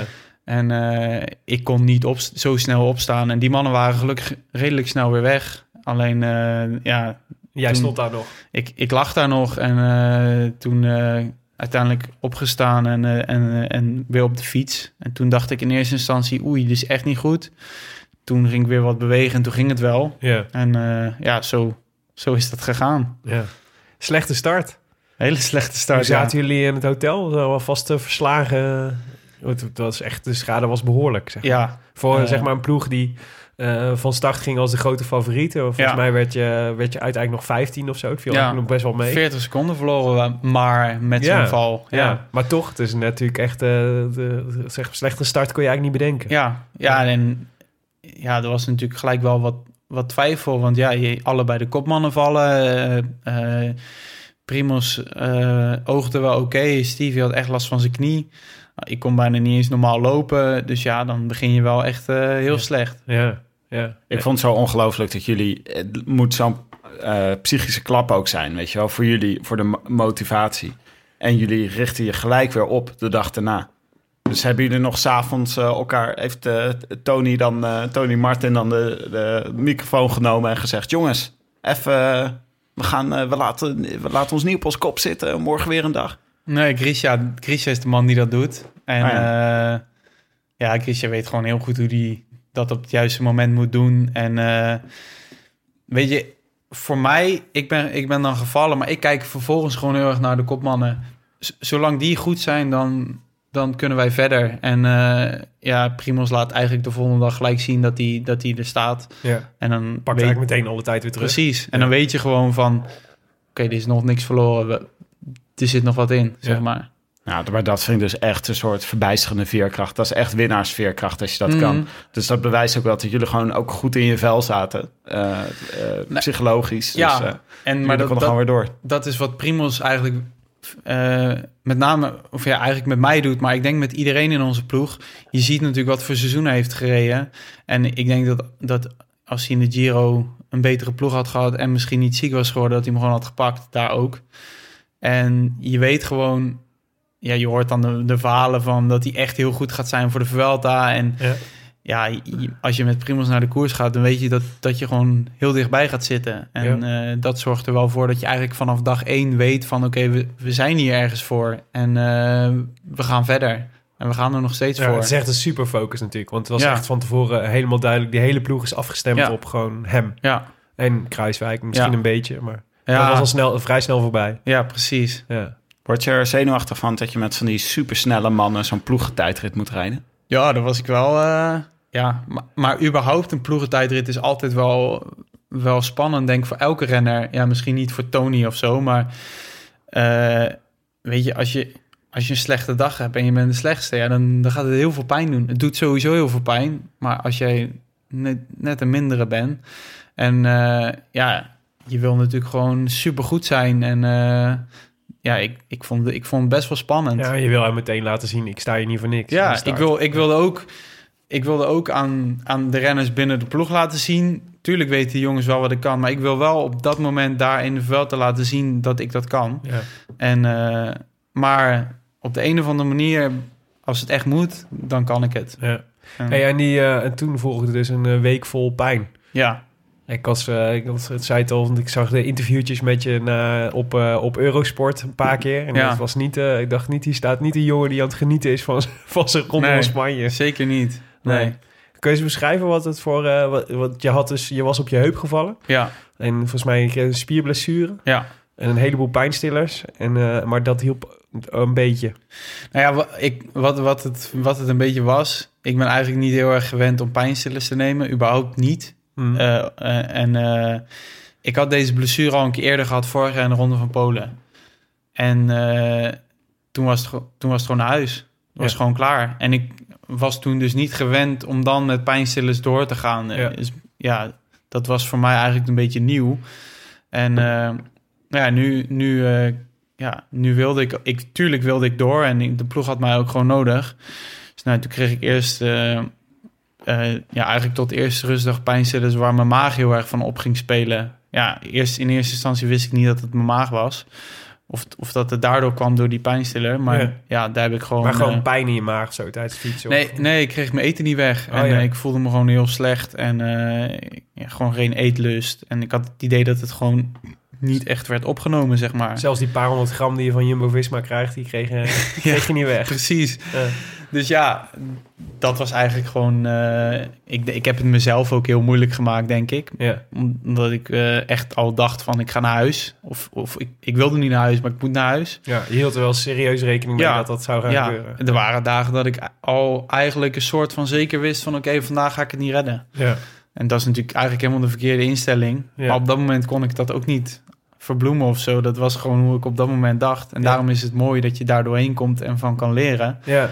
Maar tot, tot en met de eerste rustdag... eh, ja, maar waarom lukt het wel dan? Dus als je dan, je- kennelijk fiets je wel telkens gewoon die rit uit en dan denk je, oh, we hebben weer een dag gedaan. Ja, je kan gewoon... Je, ik, ja, ik denk dat iedereen gewoon veel meer kan dan dat hij denkt. Dat je mentaal tot veel meer in staat bent dan, eh, dan Mhm. dat je denkt. En, en ja, als ik door was gegaan met die, met die pijnstillers die ik in de eerste week kreeg... dan had ik hem niet uitgereden. Daar ben ik wel van overtuigd. Want dat deed echt heel veel slechts met me. Ja. En ja, uiteindelijk gewoon eh, met paracetamol verder gegaan. En eh, dat, daar had ik eigenlijk voelde ik dan de pijn wel een beetje, maar daar kon ik gewoon mee fietsen. Maar daarnaast voelde ik me gewoon weer, weer normaal. En, eh, en dus kon je weer eten. En kon weer eten en het werd weer opgenomen. En, en ja, in die eerste week kwam ik ook drie kilo aan, vocht. En dat ging ook allemaal weer eruit. En ja, toen begon ik me gewoon weer wielrennen te voelen. En toen, ja, we hadden de, de rustdag, de tijdrit. En eigenlijk wisten we al een week voor de, voor de rustdag, voor die tijdrit... dat Primoz daar de rode trui ging pakken. En dat de dag daarna op kop gereden moest gaan worden door mij en Tony. Ja. En eh, ja, gelukkig kwam ik in de rustdag en een tijdrit was eigenlijk ook nog een rustdag voor mij, kwam ik er doorheen. Ja. En vanaf dat moment was het op kop Maar was echt, is dat dan echt zo'n moment dat je voelt, ik ben er doorheen? Of dat je voelt, het, gaat weer, of ik eh, zie het weer zitten? Nou, ik weet, ik weet eigenlijk nog heel goed. En eh, dat was in Andorra. En ik was op eh, 38 minuten gereden. En ik heb heel de dag met Fabio in de groep gezeten. En eh, we In de waren bergen, dan weet je dat je in niet de lekker bezig bent. Ja. Eh, eh, Fabio heeft supergoed gereden, maar dat is niet mijn plek. Nee, nee. En ik zat er met Fabio en Richese heeft ons over de finish ge- heeft ons naar de finish gebracht eigenlijk. En ik weet nog heel goed dat ik over de finish kwam. En eh, toen begon het te regenen. En toen zouden we met de kabelbaan snel naar beneden kunnen. Oh, dat was die rit. Maar dat was niet snel, want het duurde denk ik twee uur voordat ik beneden was. En toen begon het te regenen en ik stond nog net niet onder het afdakje. En op dat moment ging, kreeg ik een soort van gelatenheid over me heen. En dacht ik van oké, het maakt ook allemaal niet, maakt ook allemaal niet uit. Ja. Dit is wat het is. En, eh, Je had rock bottom bereikt. ja, Daarna ik- komt het alleen maar ja, beter. En ik had gewoon zoiets van, oké, heel veel slechter dan dit gaat het niet worden. En al kan ik na de rustdag of na de tijdrit maar één keer bidon halen, dan is dat al meer dan niks. En van daaruit ga ik nu verder. Ja. En van daaruit ben ik eigenlijk best wel goed gaan rijden, denk ik. ja, maar je werd gewoon steeds beter. Ja, Ja, want het was, het was zeg maar, het ging eigenlijk van een doodvogeltje in week 1 naar gewoon samen met Tony Martin en later Ja. zelfs zonder Tony Martin Ja. toen hij uitviel, ja. eh eh, voor op het peloton boren. Ja, ja dat, zo is het inderdaad gegaan. En eh, ik moet wel zeggen dat ik heel erg blij dat, was dat Tony het was. Want ik doe vier kilometer op kop en hij doet er weer acht. en dat scheelt natuurlijk wel. Ja, En je weet gewoon dat hij niet kapot gaat. En eh, dus dat, ja, dat maakt het voor mij natuurlijk wel makkelijker. Maar Ja. inderdaad, ik begon steeds beter te rijden. ja.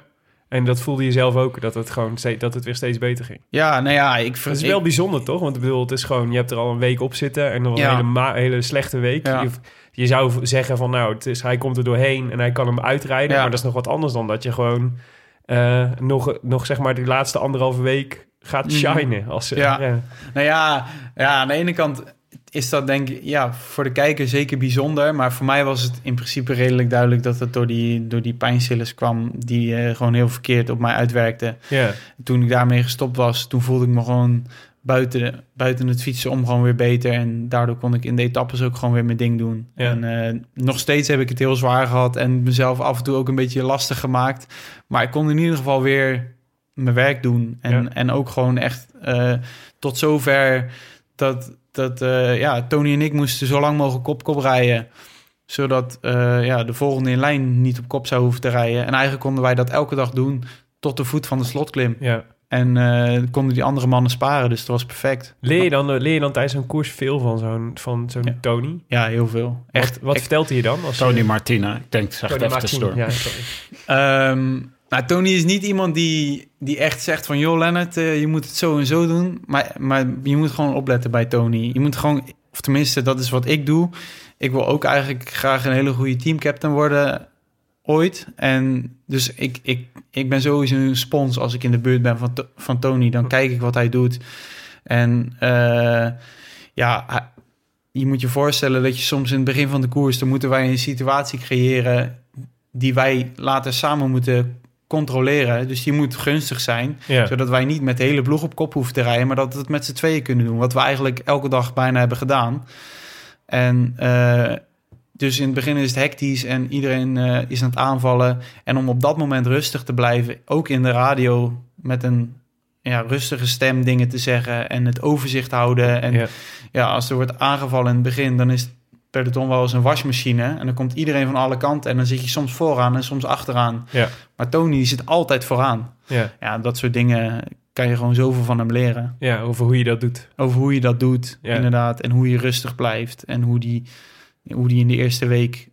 Waarom die in de eerste week zoveel energie investeert in primas van voren houd- houden. En hoe die dat doet. Ja. En ja, ik heb ongelooflijk veel van hem geleerd. Ja. Maar hij was ook, had een beetje een omstreden reputatie had hij toen hij naar de ploeg kwam, toch? Ik had altijd een beetje zo van, oh, nou, eh, is dit niet een probleemmaker die naar de ploeg komt? Nou, ik moet zeggen dat ik blij ben dat ik, dat ik hem in mijn ploeg heb. Als ik eh, voorheen in de wedstrijd bij in de buurt van Tony was, dan ging ik ergens anders rijden. Want dat is wel iemand die, wat er in de Tour gebeurt met eh Ro. Ja. Ro is precies dezelfde. Dat Ja. is Zo die halve vechtpartij precies, zeg maar. Ja. de, het, allebei zijn zij zo. En, eh, maar om hem in jouw ploeg te hebben, dat is heel fijn. Want ja, er is niemand die zo hard op het vlakke kan rijden als Tony. Dus, en hij weet dat ook, dus, dus hij gebruikt dat gewoon. Hij weet gewoon als iemand naast mij komt van, eh, ik, ik pak jou wel. En, Gewoon van, ik pak jou, ik geef je een beuk of nee, eh, nee, ik rij, in- in ik de rij je op een hoop? Ik, ik rij jou op een hoop, want ik kan veel langer op het vlak hard rijden dan, dan wie dan ook. Ja. En, maar inderdaad, er waren, er waren, ik denk van in de media en misschien ook wel binnen onze ploeg, door sommige renners wel gedachten van, oh, wat is, ja, wat is, dat, voor, nou wat is Ja. dat voor gast? Ja. Maar ik denk als je aan iedereen vraagt nu binnen het ploeg hoe belangrijk hij is, die, hij telt gewoon voor twee. Ja, maar volgens mij, eh we hadden het toch ook al wel geconstateerd. Eigenlijk gewoon de aankoop van het jaar van eh Ja. Ja. Zeker. En Ja. ik moet ook wel zeggen, eh, bij Katusha zat hij gewoon niet op zijn plek. Nee. En eh, bij Katusha was hij ook nog soort van kopman. En hier is hij natuurlijk volledig in dienst. En daar, daar voelt hij zich gewoon heel goed bij. Ja. En hij vindt de ploeg heel leuk. En hij wordt heel erg gewaardeerd. Dus ja, hij bloeit gewoon helemaal op. Ja. Hij kan wel ook- Tony. Hij kan ook wel grandioos eh, tijdrit aan zijn laars lappen. Hè? Ongelooflijk. Dat, Mhm. die, ma- eh, Jonne die had eh, zijn hele, zijn hele erfenis van zijn grootmoeder op hem ingezet bij de Het tijdrit. WK. Nee, bij die tijdrit in de Vuelta, waar die op vier minuten of zo... eh, Wat hij bij de Tour ook al deed. Ja, Ja, maar dat is dus eigenlijk pas sinds dit jaar dat hij dat doet. Gewoon volledig in dienst van de, van de kopman en Ja. geen tijdritten niet hard rijden. Gewoon eh, sparen. is hij ook buiten de koers? Heb je ook buiten de koers veel aan hem? Ehm, maar Tony is niet echt iemand die heel erg eh, dan ook nog na- naast eh, de koers nog heel erg bezig is met coachen of met jou praten. Dan is hij wel iets meer op zichzelf. Bijvoorbeeld Roy Curvis van Sunweb, Ja. die, waar ik ook bij in de ploeg heb gezeten, die is, daar, die, doet, die is daar ook dan nog heel veel mee bezig. Het is meer een renner voor de derde helft, zeg maar. Ja, Ja. ja. maar, maar ook, ook in de zin van coachen, zeg maar. Ja. En, en, en eh, ja, ik weet zeker, als je, als je iets wil weten en je vraagt het aan Tony, dan vertelt hij het wel. En in de meetings is hij ook gewoon wel heel aanwezig en Ja. vertelt hij wat hij weet. Maar het is niet zo dat hij nog één op één even naar mij toe komt en zegt van... joh, eh, hoe zit dit? Of hoe voel je je? Ja, En dat, zou, dat deed Roy wel altijd eigenlijk. ja. Maar ik denk dat hij wel een paar keer bewonderend omgekeken heeft toen jij voorop reed. hè. Ja, hij heeft Ja. af en toe wel, wel eh, ja, lovende woorden gesproken naar mij. Ja. Zeker als wij samen op kop reden. Ik weet nog, die ene dag na, na de waaierrit naar Guadalajara... Ja, dat wij eh, terugkwamen en we hoefden eigenlijk niet hard de kop te rijden... maar dat we toch samen even één stukje volle bak hebben gereden, hebben gereden. En toen zeiden we tegen elkaar van... ja, we moesten toch even laten zien dat we er nog zijn. Dat is geweldig. Maar eh, is het... eh, dat, ik ben heel even benieuwd naar die communicatie, hè? Jullie rijden natuurlijk de hele tijd met een oordopje in. En zijn er dan ook renners die het hoogste woord voeren... die over de communicatie heen gaat? Nee, eigenlijk niet. Nee, eh, nee ja, het is Grisha die, die, de, die de communicatie doet met de renners. En eigenlijk is het niet in de koers dat iemand het hoogste woord voor je. Je bent eigenlijk meer bezig met het fietsen dan met, met Ja, dan dat je echt denkt van ik moet heel veel zeggen. En eh, Tony zegt, het, zegt dan in de hectische momenten het meest als dat nodig is. Primoz zegt niet zo heel veel.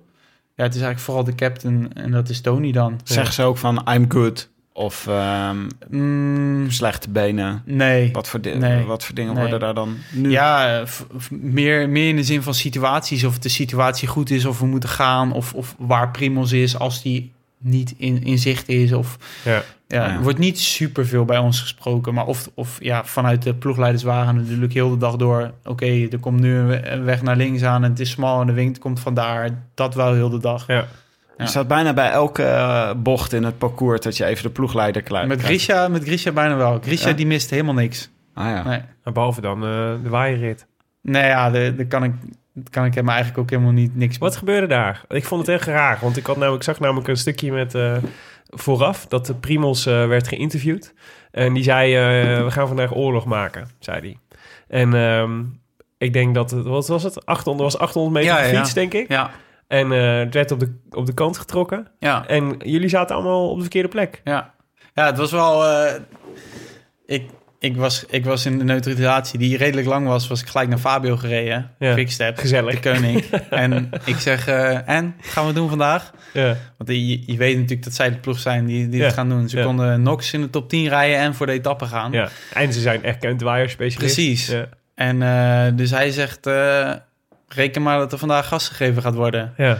Ik zeg, ik zeg bij 140. Hij zegt, nee, ik denk dat het dan al gebeurd is.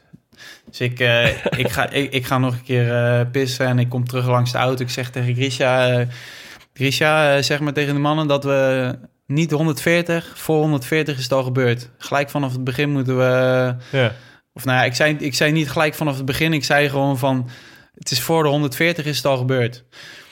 En eh, ja, we gaan, we gaan naar het peloton. Of, of ik, ik zit weer in het peloton en de neutralisatie is. En eh, ik zit denk met Primos bij de 70 of 80. En eh, nou ja, we, we starten. En na Wacht acht, even, 70 of 80, dat bedoel je? Eh, sorry, 70 of 80 renners. Dus, of bij Zo. de eerste 70 of 80 zitten we. Halverwege Dus het peloton. halverwege het peloton eigenlijk. oh, ja, dus met sorry. 140 heeft niks met die kilometers te maken. Jawel, jawel. 140 is na 140 kilometer. Zou het, zouden we naar rechts draaien en dan zouden we schuin van achter krijgen. Ah ja. En dat is altijd een gevaarlijk punt. En eigenlijk eh, komt het bijna niet voor dat een ploeg het in de eerste kilometer op de kant gooit. Want dan moet je nog 220 kilometer de koers dragen. Ah ja. Maar nu was dus de situatie dat er ploegen mee zaten met klassementsmannen die dus ook gingen mee, meedraaien. En eh, wij zaten dus te ver. En ja, op zich, Primos maakte zeker een fout. Maar, hij, maar Primos zei wel van ja, maar ik zat. Ik heb op Valverde en eh, Lopez gelet. Zijn naaste concurrenten. En hij zat gewoon bij zijn naaste concurrenten. Ja. Maar ja, die missen ook de slag. Ja. En op dat moment zien we die groep wegrijden. En dan weet, en dan weet Je je. zag het gewoon- gebeuren. ja, Ja. en op dat moment weet je gewoon van... eh daar vooraan wordt gewoon met, met iedereen die in die groep zit... wil meedraaien. Want anders heb je kans dat je eraf wordt gereden. ja. Ja. En er zijn een aantal ploegen die ook echt willen meedraaien. En er zijn mannen die denken... ja, ik moet meedraaien, want anders lig ik zo meteen eraf. Ja. En wij reden daarachter met, eh, met zes man kop over kop. En daarvoor wordt gewoon met, eh met 30 man een waaier gedraaid. Ja. En wij rijden beurtje van kop, beurtje van kop. Ja, dat, daarvoor, Maar is het dan, en raak je dan in paniek? ik was wel in paniek, ja. Ja? Ik dacht wel van, dit kan niet. Want, Je bent hier gewoon aan het vergooien, Ja. dat gevoel. en eh, het liep heel snel op naar de 1, 2, 3, 4, 5. Ik denk, ja, dit gaat gewoon, dit gaat En 10 toen- minuten worden. Ja, wij hadden het ook heel zwaar hoor, die dag. Want wij zagen dit allemaal... eh, Ja. Op de tikker Oh, zagen we het. Het was namelijk niet live. En, en in eerste instantie zijn wij kop over kop aan het rijden. Wel ook op, we zetten natuurlijk wel een beetje op de kant, maar je kan geen snelheid maken, dus je rijdt bijna niemand eraf. Ja. En wat doet Astana? Die zetten één man achter onze waaier neer om hun hele ploeg uit de wind te houden. Ja. Ja, en die man die ging ook helemaal naar de kloten. Dus wij zeiden, wij begonnen natuurlijk van ja, zet, draai dan mee. Ja. Als, als Astana gelijk met de hele ploeg meedraait en UAE ook, dan kan je ook een waaier opzetten en dan, dan is er niks aan Dan de rij hand. je ongeveer even snel als die groep Precies. ervoor. Ja. Alleen kop over kop met vijf man of met zes man kan je dan nooit die snelheid halen. Nee. En zeker niet als je dan eigenlijk alleen jou en eh, Tony, Tony hebt om echt door te rijden. Want Nou dan ja- George Bennett zul je niet zo heel veel hebben, toch? Nou ja, Op zo'n moment. Ik was die dag niet super goed. En vooral, eh, ik, vooral Tony, Robert en Nielsen, die waren heel sterk die dag. Ja. En eh, ik vond dat eh, George en Seb ook gewoon goed, goed reden. Maar vooral, vooral Robert Nielsen en, en Tony, die, hebben echt, die waren echt super goed die dag. Ja. En ja, we hadden... Kijk, uiteindelijk zeggen ze dat Astana onze ronde redt. En dat is natuurlijk eigenlijk ook wel zo. Mhm. Maar als ze nadenken, ja, dan, gaan, dan, dan ga je gelijk mee rijden. En dan Ja. is er eigenlijk niet zoveel aan de hand. ja. Ja. Maar Maar- hoe doe je dat? Hoe, hoe organiseer je zo'n waaier dan? Want eh, het lijkt me best wel lastig communiceren met Astana. Ga je het dan gewoon voordoen en hopen dat ze meedoen? Ja, wel, je hoopt dat ze meedoen. En, en tuurlijk is, is, speelt er ook gewoon nog wel een tactisch iets mee. Zij hopen natuurlijk, en dat snap ik dan ook nog wel weer... dat op een gegeven moment al Primos mannen zijn opgerookt... en dan pakken ze ineens over in de hoop dat ze dan Primos Dat deden ze ook, kunnen toch? lossen. Ja, alleen ze losten Primos niet. Nee. Want ja, die wordt natuurlijk niet Maar zo... wel, bij- al- maar wel jullie al, alle, Ja. alle anderen. Precies. Nou, dat was Mobistar, toch? Ja, Die dat was Movistar. Oh ja, ja, ja. Die deed dat slim. Ja. Ja. Maar ja, ergens, is- ergens, ergens snap ik dat ze wachten. Ja. Want het bordje van, het ander leeg, van een ander leeg eten. Ja. Alleen in elke andere bergrit waren ze op kop gaan rijden... omdat Quintana Ja. te dichtbij zou komen. Ja. En nu denken ze van we wachten. Terwijl eigenlijk de situatie voor hun nog veel negatiever was Ja. dan voor ons. En als je nou, als je nou denkt wat, dat ik, wat ik nou anders kunnen doen? Ja, Zelf? gewoon met Primoz op de eerste rij gaan staan. Dat, maar ja, ja. dat is heel logisch. Dan Ja. waren we op de eerste rij gestart en hadden we meegezeten. Maar misschien zeg maar dat je dan met na, nadat je met Fabio had gesproken, eigenlijk meteen moeten escaleren. Van, Ik had nog extremer moeten zeggen, jongens, eerste rij. En, ja, kan niet- maar- we kunnen niet ergens anders staan dan de eerste rij. nee, maar het- toen ik met Fabio ja, sprak... niet iedereen kan op de eerste rij staan. Nee. Dat- ja. Maar toen ik met Fabio sprak, had ik wel zoiets van... oké, het gaat dus eerder gebeuren... maar ik had nog niet in mijn hoofd na de eerste kilometer... want eigenlijk komt dat niet voor in het wielrennen. Ja. Ook al zijn de, de, de omstandigheden perfect om het in de eerste kilometer te doen... Ja. bijna nooit gebeurt het dan... omdat je dan degene die het op de kant trekt... die moet dan ook de hele dag gaan dragen. Ja, ja. En nu was dat natuurlijk... doordat er zoveel klassen... of dat Sunweb mee zat en Movistar... Ja, ja, was er natuurlijk genoeg reden om vol door te rijden. ja. Het was ook Quickstep die het toen op zijn kant trok, toch? Ja, ik denk dat ze, niet, dat ze het niet eens op de kant trok. Ik denk dat ze, zij daar gewoon allemaal zaten. En dat in eerste instantie het aanvallers waren om in de vroege vlucht te komen. En dan op een gegeven moment merken ze van... eh, dan is het gewoon springen. En ineens horen ze dat er een gat is. Ik, ja, ik heb het niet gezien natuurlijk. Ik weet ook Niemand. niet... Hm? Nee. Niemand heeft het gezien. we Nee. hadden, wij hadden geen beelden toen nog op dat moment. Dus we Nee. hadden alleen maar... Wij het is ook wel leuk hoor, op zo'n moment. We krijgen al die informatie binnen via Twitter. En de Scorito-ticker. Ja. Daar volgen wij het dan via. Mhm. Maar het is zulke etappes zijn voor het publiek ook zo Ja. geweldig. Ja. Wij vinden heel, heel erg dat, het, dat ze voortaan het eerste uur van de koers moeten uitzenden ook. En, Ja. dan, en daarna zeg maar gewoon de reguliere uitzending. Dat, dat, dat tussendeel, dat kun je wel missen. maar- Precies. Ja. Maar klopt het nou dat Movistar dan op een gegeven moment jullie eraf ging rijden... om de laatste knechten van Roglic eraf te rijden? Ja, nou ja, ik was op dat moment er al af. Maar dat is natuurlijk super tactisch. Eh, de mannen die op kop rijden, die, die zijn eigenlijk al kapot. Ja. Of die, die zitten al op een tandvlees, want die rijden al zo lang op, op kop. En ja, als je op dat moment doortrekt, dan de helft van die mannen die op kop rijdt, die denkt van oké jongens, ciao, ik heb mijn werk gedaan, ik stop ermee. En sommige jongens die hebben nog wat over en die rijden door. Maar je hebt dus in ieder geval sowieso een paar man gelost. Ja. En eh, dus het is altijd goed om, zo, om zoiets te doen. Ja. Ook al rij je in eerste instantie wel wat van het gat dicht, dat verliezen, verliezen ze daarna altijd weer. Alleen nu was Astana gewoon zo goed dat ze, dat ze gewoon nog daarna heel goed op kop hebben kunnen rijden. Wanneer dacht jij, eh, dit komt wel goed? Of dit gaat geen hele grote bedreiging vormen meer? Ehm, Of de nou ja, is niet in eerste instantie was het, was het natuurlijk sowieso alleen Quintana en Kelderman die al aan het verliezen waren, zeg maar. Ja. Maar ik heb heel lang gedacht dat het echt naar de 10 minuten zou gaan. Alleen op een gegeven moment zat ik in een geloste groep. En eh, dan hoorde ik gewoon van, eh, van de ploegleider dat, dat het wel goed ging komen. Ja, ja. En wanneer was het moment dat je dacht, eh, we, gaan deze, we gaan deze Vuelta gewoon winnen? Nou ja, dat was eigenlijk zelfs bijna nog pas toen we de plaatselijke rondjes eh, in, in Madrid, Ja? één kilometer. Nou ja, we waren, we waren naar die streek van Movistar eh, met die val dat ze doortrokken, Ja. waren we er gewoon niet zeker op. Ja. Zelfs die laatste dag hadden we nog zoiets van eh Ja. oppassen. Je weet het gewoon niet. Nee, Dus, niet vallen. Ja, precies. Dus we waren echt eh, nog, nog. Primoz zei ook in de, in de meeting. Ja, er waren natuurlijk al wel wat dingen over de overwinning. En toen zei hij van, eh, ja, ja, but first today. Ja. Dus die had ook nog wel zoiets van... eh, Wat mij ook echt enorm opviel namelijk, want ik dacht, ja, nee, ja, het is een beetje... eh, Dat is, ik snapte dat wel, van, van Movistar heeft ons een keer ge- heeft die, dat de kunstje geflikt en dus we vertrouwen ze voor geen meter. Maar het is ook wel weer, daar kwamen ze natuurlijk uiteindelijk ook wel zelf op terug. Althans, ze werden erop aangesproken en toen Mhm. stopte het ook. En ik dacht, die zondag, dat gaat, ik bedoel, dat gaan ze natuurlijk nooit doen. Ze gaan nooit, ze gaan, dan is, dat is ook einde Movistar, zeg maar, Mhm. als dat gebeurt. Heb je de ronde gewonnen, maar de ploeg verloren. Maar ik vond wat me zo opviel dat niemand van jullie, en zeker Primos en de ploegleiders niet, op zaterdag nog helemaal niet echt blij waren met dat de laatste bergrit erop zat en dat je alleen nog maar naar Madrid hoefde. wel, dat was had inderdaad- daarmee te maken. Ja, dat vond ik echt fascinerend. Dus Ja. echt, het was echt wel een beetje angst inderdaad. Van, Zeker. gaat er nog iets, eh, gaan ze nog iets doen? Ja. Wij waren ook een beetje verbaasd. Dan zie je Roglic over de finish komen en denk je van... nou, dat moet toch iets van hem afvallen.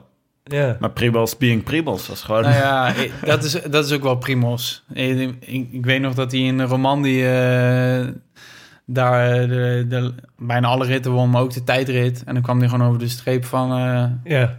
ja, dit is gewoon business as usual. Ja. Moet ik wel zeggen dat inderdaad toen hij in Madrid over de streep kwam... toen had hij echt emotie. En Ja, dat had ik ja. nog niet echt gezien. Dus het was gewoon... e- Ja, ik denk dat Primos ook gewoon echt nog bezig was met van... er moet niks gebeuren in Madrid, want dan ben ik gewoon alsnog Ja. Dus ja, ja, het is eigenlijk natuurlijk super professioneel. Gewoon Ja. pas juichen op het moment dat het, eh, de Ja. weer geschoten is, zeg Ja. maar. Ja. zeker. Ja, voor hem was natuurlijk ook die Giro zo ook door zijn hoofd gespookt hebben Ja. toen hij over de finish in Madrid kwam. Ja, Want eh, bij de Giro kon hij zich eigenlijk ook al rijk rekenen na de eerste etappe, vonden wij allemaal. Mm, Eh, want toen was hij zo goed. Toen Ja. reed hij zelfs Dumoulin, weet je wel, reed hij, eh, reed hij Mhm. voorbij in de tijdrit. Of tenminste, eh, maakte die verschil. ja. En dan nu, nu is het eindelijk gelukt. Dus Mhm. eh, is het nog lang onrustig gebleven in Madrid?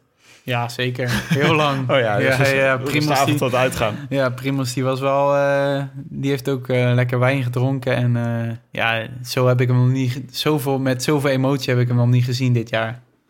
Het was niet zo raar dat hij WK eh, zo slecht reed.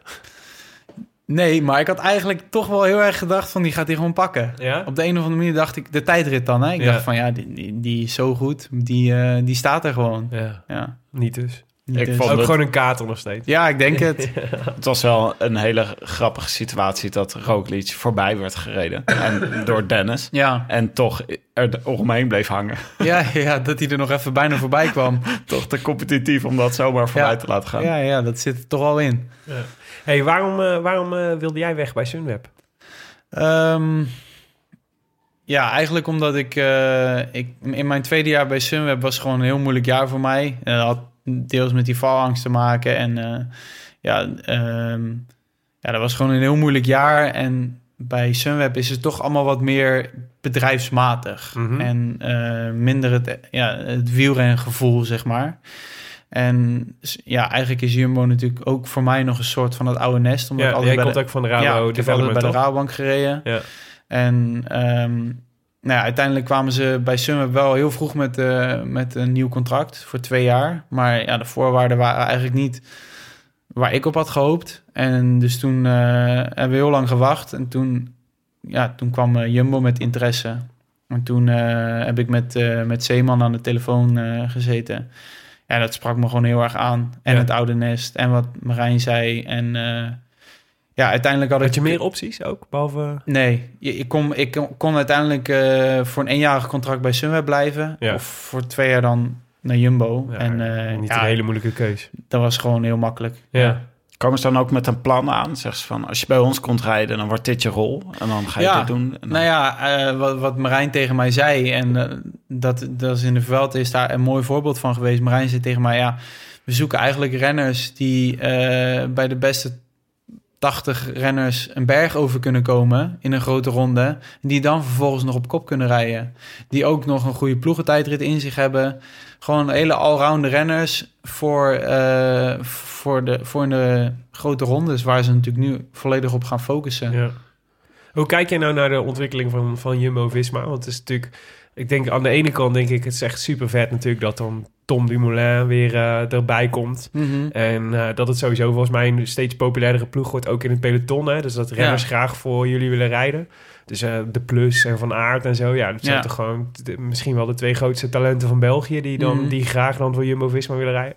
Ik kan me voorstellen dat aan de ene kant is het volgens mij super vet... dat je dan bij zo'n club hoort. Aan de andere kant denk ik, ja, dat ook, betekent ook... er ontstaat ook steeds minder plek in de grote, in de grote interessante koersen, toch? Ja. Ja, maar ik, ik heb het vertrouwen in mezelf dat ik daar dat ik goed genoeg ben om daar tussen te horen. En eh, in de veld heb ik dat bewezen. En ik denk dat ik nog beter kan. Mhm. Dat ik over drie weken lang nog beter kan. Ja, En ik, ja, ik ben er eigenlijk wel eh, van overtuigd dat ik volgend jaar weer in een grote ronde zit. En dat zal waarschijnlijk niet de Tour zijn, want die selectie is inderdaad heel moeilijk. ja. Maar ik denk dat ik het niveau heb om elk jaar eh, in een grote ronde te staan. En ook in een grote ronde waar de kopman voor de overwinning gaat, zeg maar. Ja. Als jij nou zou moeten spiegelen aan, aan eh, zeg maar een, een renner, eh, eh, wat, zeg maar die, die een beetje op jou lijkt en maar misschien een paar jaar verder is, heb je een beeld van wie je dan, wat dan een beetje vergelijkbaar is met jouw kwaliteiten of hoe je jezelf ziet in de toekomst? Hmm. Nou ja, ik hoop eigenlijk een beetje een combinatie te worden van, eh, van Tony Martin en Roy Curvers. Dus de brains van, eh, van Roy. En, Ja. ja. En de benen van uh, de Tony. benen van Tony, dat zou heel moeilijk worden. Maar in ieder geval een beetje die kant op, zeg maar. Ja. Ja, Ga je dat- ook zo van zo, voor zo'n onderstel? Want eh, Tony Martin heeft echt zo'n onderstel. Met een enorme zuilen Wat van niet, benen. Wat niet klopt bij de rest van zijn lijf. Ik denk dat ik dat niet zou krijgen. Ja. Nee. Oké, dus echt, eh, ja, dus er stond nog wel echt inderdaad wegkapitein eh Ja, idee. Ja, Ik, vind dat, ik ben daar ooit een beetje toevallig ingerold bij de rouwbank. Ja. De, bij de belofte al. Omdat ik op, op, een, ja, niet, op een gegeven moment ben je daar dan wat ouder. En toen waren we wedstrijden en dacht ik van ja, maar niemand doet het. Dus ik moet het doen. ja, En eh, daar hebben ze me in eerste instantie ook binnengehaald, voor binnengehaald bij Sunweb. Ja. En nu bij deze ploeg zeggen ze ook gewoon van... eh, in de, voor, voor in de toekomst eh, kan dat wel jouw rol worden. En Ja. zoals in de Ronde van Polen... waar er wat minder druk op staat... en waar er wat minder eh, grote kopmannen van ons meerijdt... of meerijden, dan, dan gaat het echt supergoed. ja. En, dan mag jij, dan ben je eigenlijk ook Dan ben ik de captain. Ja, Ja. en dat, dat ging echt supergoed. Daar heb ik heel veel positieve reacties van gehad. En bijvoorbeeld in de Dauphiné ging dat eigenlijk ook heel goed.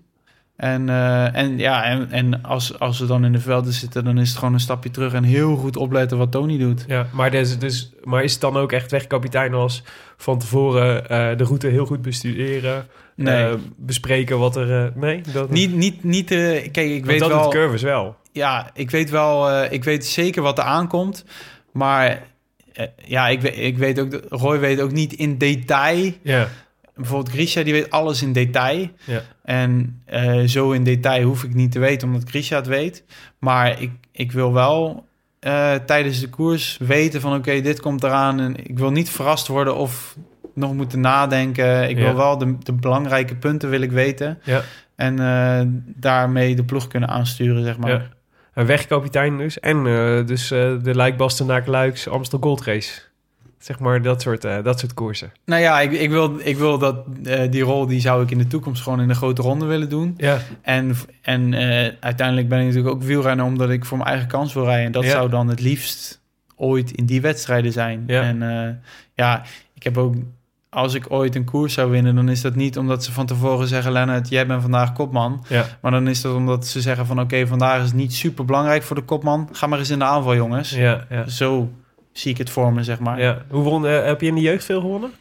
Eh, ja, de jeugd, bij de, vanaf de nieuwelingen begon ik wel wat te winnen. Won ik ook een meerdaagse. En eh, bij de junioren eh, ja, een stuk of zes koersen per jaar. En, eh, en hoe, hoe won je die dan met ontsnappingen? Sorry, wat je won zes koersen per jaar? Dat is toch heel veel? Nee, nee, in twee jaar, zeg maar. Bij die, bij de junioren. Dus dan Ja. ben je twee jaar junior en dan ja, zes en eh, Maar eentje. dat, dat klinkt toch heel behoorlijk? Of, ja, is wel, of is zes, wel zes per jaar ja, winnen. Ja. En eh, eentje was daarvan in, eh, in Axel. Dat is wel een redelijk grote koers was dat in Nederland bij de junioren. En uiteindelijk was mijn, mijn, mijn, mijn belangrijkste uitslag. En eh, een paar dagen later belde Piet Kuijs van de Rabobank.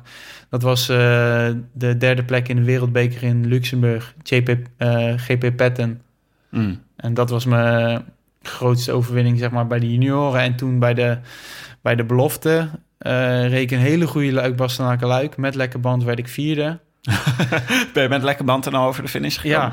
Ja, nee, nee, ik, ik had lekker band op een heel slecht moment. En uiteindelijk werd ik alsnog Oh ja, vierde. precies. Ja. En hoe ik uiteindelijk van eh, Rabo naar Sunweb ben gegaan... was vooral die uitslag, derde in de Ronde van Bretagne... en eh, de Rhône Alpizar Tour won ik. Eh, maar jij, wat, ik, wat ik wel interessant vind, jij hebt wel een beetje zo'n klassiek eh, patroon van groei. Een, een jonge renner die aan het groeien is, zeg maar, steeds een motor ontwikkelt en steeds verder komt.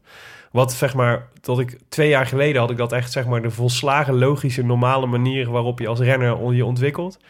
En dit jaar denk ik ineens, ja, maar er zijn nu gewoon jongens van 20 en Ja. 19 die gewoon al grote koersen winnen. Ja, Hoe Ja. kijk jij daar dan naar? Dat is Ja, hoezo bizar? heb je nog niet de Tour gewonnen? Ja, dat bedoelt Willem Sebastian. Ja. Ja, ja ik, ik, ik, ik weet nog heel goed als ik dan bijvoorbeeld naar, naar een Evenepoel kijk... of naar, eh, naar Bernal of, of, of Pogacar, natuurlijk heel recent voor mij... Ja. me- van dichtbij meegemaakt in de Vuelta. Ja. Ja, toen ik zo oud was, toen eh reed ik in de Ronde van Normandië... en eh, werd ik gelost. En had ik het heel zwaar om, om in een eh 2.2 koersje de, de wedstrijd uit te rijden. ja. Ja, en dat die mannen dan gewoon in de Vuelta...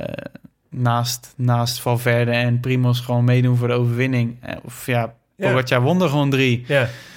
Ja, dat is heel moeilijk voor mij om, om, om, me dat, om dat dan weer terug te koppelen naar mezelf, zeg maar. Ja, dat is raar, toch? Ja. Maar het is, ook in één, het is ook in één keer, lijkt het iets van, de, van nou ja, het afgelopen jaar. Het is in ieder geval Ja. het thema van het seizoen, Ja. dat dat zo was. Ja. Heb je daar een verklaring voor? Waarom, die, waarom dat in één Ja. keer zoveel jonge gasten allemaal doorbreken? Ja, want eh, het wordt gewoon allemaal steeds professioneler, steeds vroeger.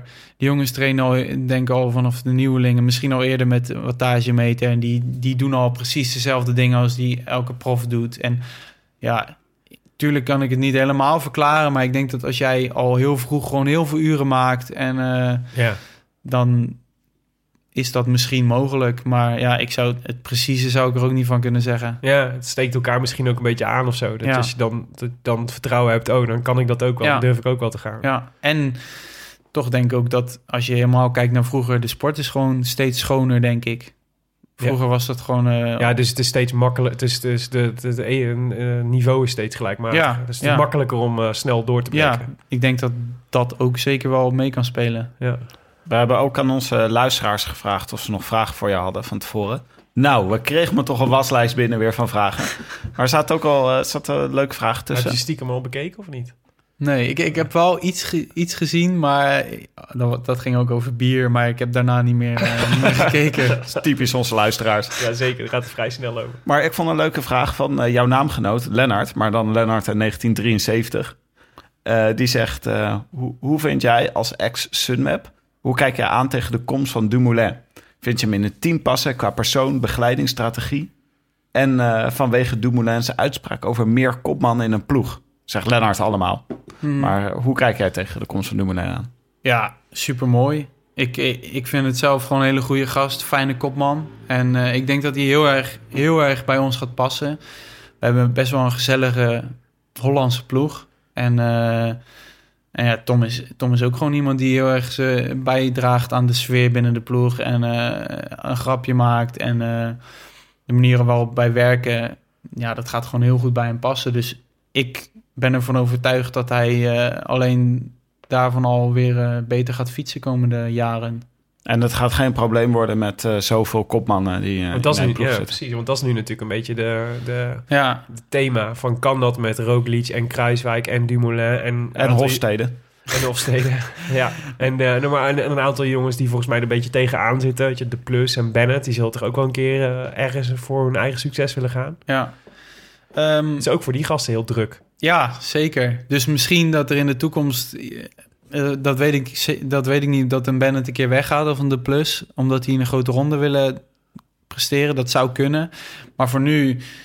Ja, Tom is niet te beroerd om voor iemand te rijden. En als je kijkt naar de Giro van twee jaar geleden... dan mag Sam daar gewoon negende worden. Ja. En dat betekent wel dat Sam dus ook gewoon elke dag vol tot de finish doorrijdt... Ja. en zich niet aan het sparen is voor Tom. En Tom is helemaal geen kopman die zegt van uh, alleen voor mij en uh, niet voor anderen. En uh, Primos zegt gewoon laat maar komen en we zien wie het sterkste is. En dan, voor die rijden we. Ja. En Primos gaat gewoon alleen maar van, van zijn eigen kracht uit. En die ziet het alleen maar als een voordeel. Dus, dus jij denkt dat ze ook prima met z'n tweeën naar de Tour zouden kunnen? Ja, dat denk Ja. ik echt. Ja. Ja.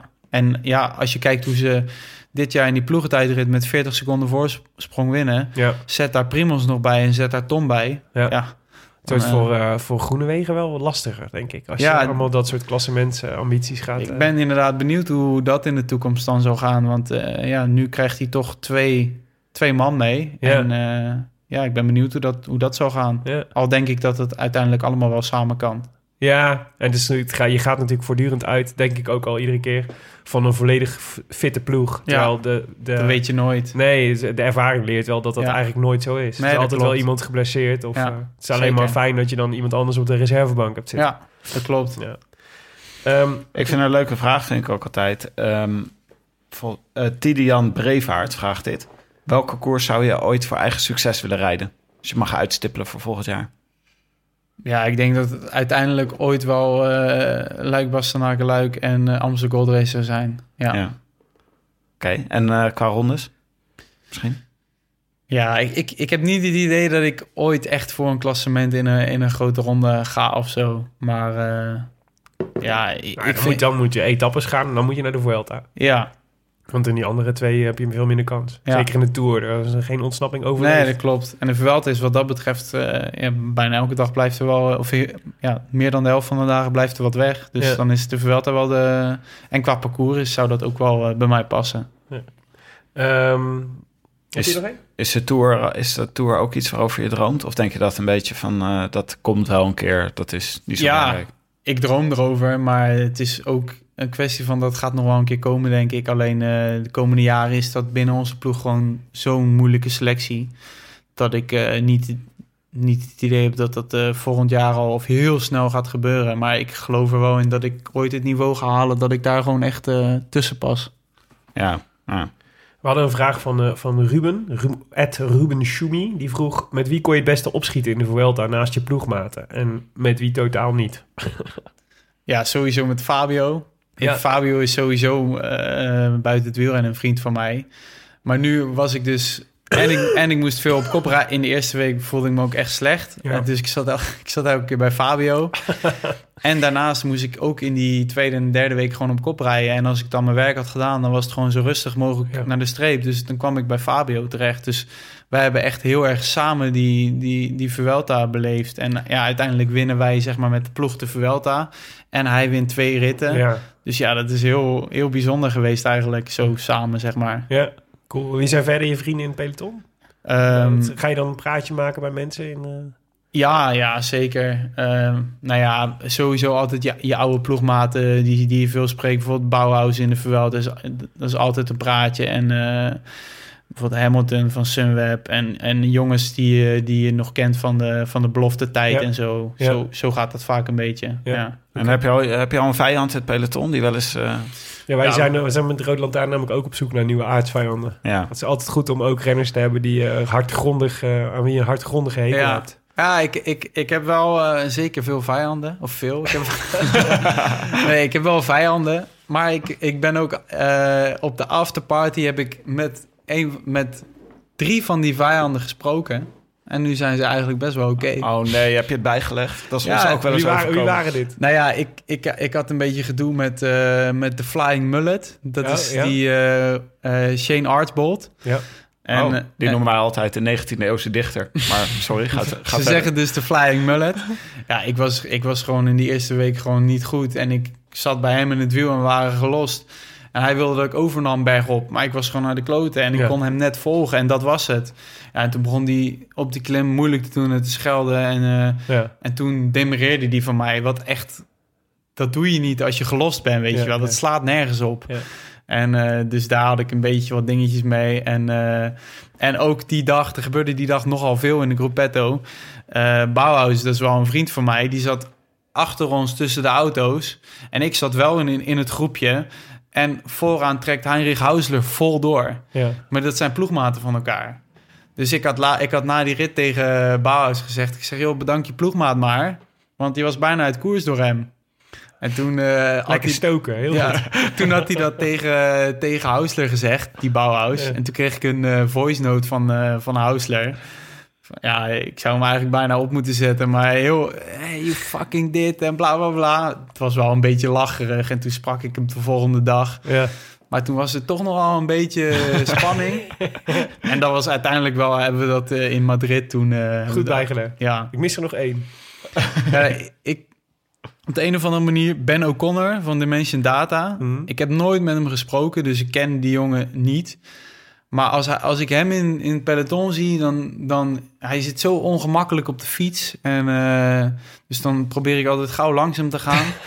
en eh, nu sprak ik hem dus in Madrid, eh, in die eh, afterparty. Ja, super aardige Oh gast. nee, ja, dat is... Ja. Super aardige gast. En eh, Daar moet je dus niet naar dit soort afterparties gaan. ja, We moeten gaan afronden. Ik vond nog een leuke vraag van Volker van der Kerken. Die vroeg, koolhydraten is energie. En daarom eten jullie heel wat pasta door het jaar heen. Dat wilde ik blijkbaar vertellen. En eh, daarom vraagt hij, wat is jouw lievelingspasta recept... en hoe zorg je dat zoveel eten je niet tegen gaat staan?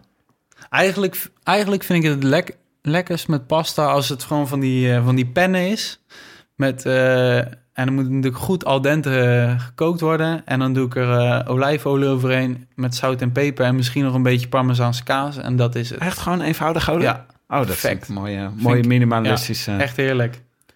Oké, Lennart. Willem, Ja. is er iets belangrijks Nou ja, het is één ding wat we natuurlijk nog even moeten hebben over, eh, de, over de Rode Lantaarn, uiteraard. Want jij stond echt heel, heel, heel lang. Ik denk Ja. tot de ene laatste etappe stond je, stond je laatste in het... eh, en, Nou, twee na laatste was het. oh, ja. ja. En toen ineens pakte je eh, volgens mij een minuut of twintig op eh Bico. Ja, die ken ik ook nog wel redelijk goed. Ja, maar was dat een bewustie? Dat je even van de laatste plaats af? Nee. Of Ik- was hij gewoon te slecht? Ja, was het echt slecht. Ja, en ik was daar echt eigenlijk niet mee bezig. Ik, kreeg, ik moet wel zeggen, heel veel mensen waren daar wel mee bezig die mij daarop Ja, wezen. waarschijnlijk is er ook nog een van de klassementen in de Vuelta. Waar je nee, volgens mij niet. Nee? In de Tour Ja. is hij er wel, maar in, in de Vuelta is hij ieder toch geval niks overal voor. klassementen voor. Ja, ja. maar nee, ja, als ik echt had gewild, had ik, had ik al eerder van die plek af, af kunnen gaan. Maar ik was gewoon puur bezig met eh, de, de Vuelta winnen voor Primos, zeg maar. Dus Ja. als ik mijn werk had gedaan, ja, als ik echt had gewild, had ik de laatste klim nog eh 40 wat meer omhoog kunnen rijden, bij wijze van spreken, om in de tweede groepetto te zitten. Ja. En dan had ik waarschijnlijk al eerder van die plek af geweest, maar ik was gewoon bezig met sparen, Ja. zodat ik de volgende dag weer op kop kon.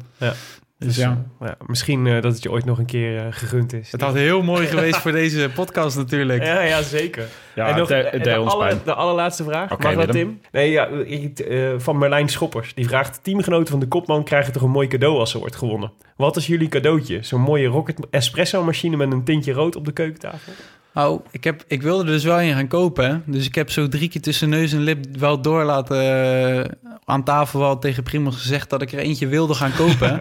dus ik hoop eigenlijk wel dat hij eraan komt. Maar ik heb nog niks gehoord. Oké, nog geen cadeau gehad. Nog geen cadeau gehad. Je weet Primos, goed- ik verheug me toch zo naar deze Vuelta op een goed kopje koffie van uh, mijn rocketmachine. Oh, die heb ik nog niet. Heb je het zo, ge- heb je zo eh, heb je het, ge- heb je het geprogrammeerd bij hem? Nou ja, meer gewoon, ja, als ik straks in mijn nieuwe huis... we, we hebben het best wel veel over koffie binnen alle wielrenners, denk ik. En we hadden een eh koffieset, eh, zo'n, niet een rocket, maar wel zo'n soort... hadden we nu ah, eh, bij ons eh, tafel staan. En dus we hadden het veel over koffie. En dan zei ik van, ja, in mijn nieuwe huis... dan eh, moet ik ook maar eens een rocket... zo heb ik het een Ik heb, beetje wel een laten plekje, vallen. ik heb wel een plekje voor de rocket ja. Dat is ongeveer even subtiel als die move op Valverde. hè? Ja, ja. Oké, Hartstikke goed. U luisterde naar De Rode Lantaarn, gepresenteerd door uw favoriete bankzitters Willem Dudok en mijzelf, Tim de Gier. Vandaag met speciale gast Lennart Hofstede. Dank dat je er was. Hoe vond je het om in een podcast te gast te zijn? Ja, ik vind het mooi. Ik, wat jullie in, eh, voor de podcast zeiden, alsof ik met twee vrienden aan het praten ben over de koers. Oh, nou, mooi. mooi. Goed zo. Zo, daar, daar richten wij ons graag op. Ja. Ik zou ook, dat zou, zo zou ik me ook wel eens willen voelen, Willem. Nu ben je officieel vriend van de show ook, hè? Mooi. Dus, ja, ik kom, kom je ook nooit meer vanaf. Goed om te horen. Deze Rode Lantaarn werd eh, mede mogelijk gemaakt door Dag en Nacht Media en hetiskoers.nl, de wielerblog van Nederland en Vlaanderen. Wil je reageren op deze uitzending? Via Twitter zijn we te bereiken via Willem Dudok, Tim de Gier en Tom Garçon, waarvan de eerste O en 0 is. Lennart Hofstede kun je beter volgen via Instagram, zo blijkt. Lennart Hofstede. Dat klopt toch, hè? Ja, klopt. Twitter eh, ben je niet heel, eh, Nee, ben ik eigenlijk nooit aan begonnen en eh, ook geen behoefte aan. heel verstandig. De Rode Lantaarn heeft eh, ook een mailadres. Groetjes at de Rode Lantaarn podcast.nl. Daar kun je ook groetjes doen aan Lennart Hofstede en zo eens doorsturen. En abonneer je op iTunes of laat daar in elk geval even een reviewtje achter, zodat andere mensen de podcast ook kunnen vinden. Willem, hebben we nog een nieuw reviewtje? Zeker, van Josso Jos. Die schrijft op bezoek bij de buurvrouw, vijf sterren. Oké. Heerlijk. Beetje fietsen met in de oortjes de voorbeschouwing van het WK. En wat een verrassing om de buurvrouw van het werk, Leontien, daarin te horen. Ik wilde bijna voorstellen dat als jullie weer in Nieuwekerk zijn... ook wel een vergaderkamer bij ons kunnen gebruiken. Maar het Van der Valk verhaal is te goed. Jullie zijn toppers. Dit is een, een review van de buurvrouw van Leontien van Morsel. Kennelijk. Ja. Oh. Die luistert ook. Geweldig. Dit was het, de Roland Taarn special met Lennart Hofstede. Wij zijn er eh, ongetwijfeld snel weer. Maar voor nu gegroet vanuit Veenendaal. A biento. I wish I could be in the south of France. In the south of France. Sitting right next to you.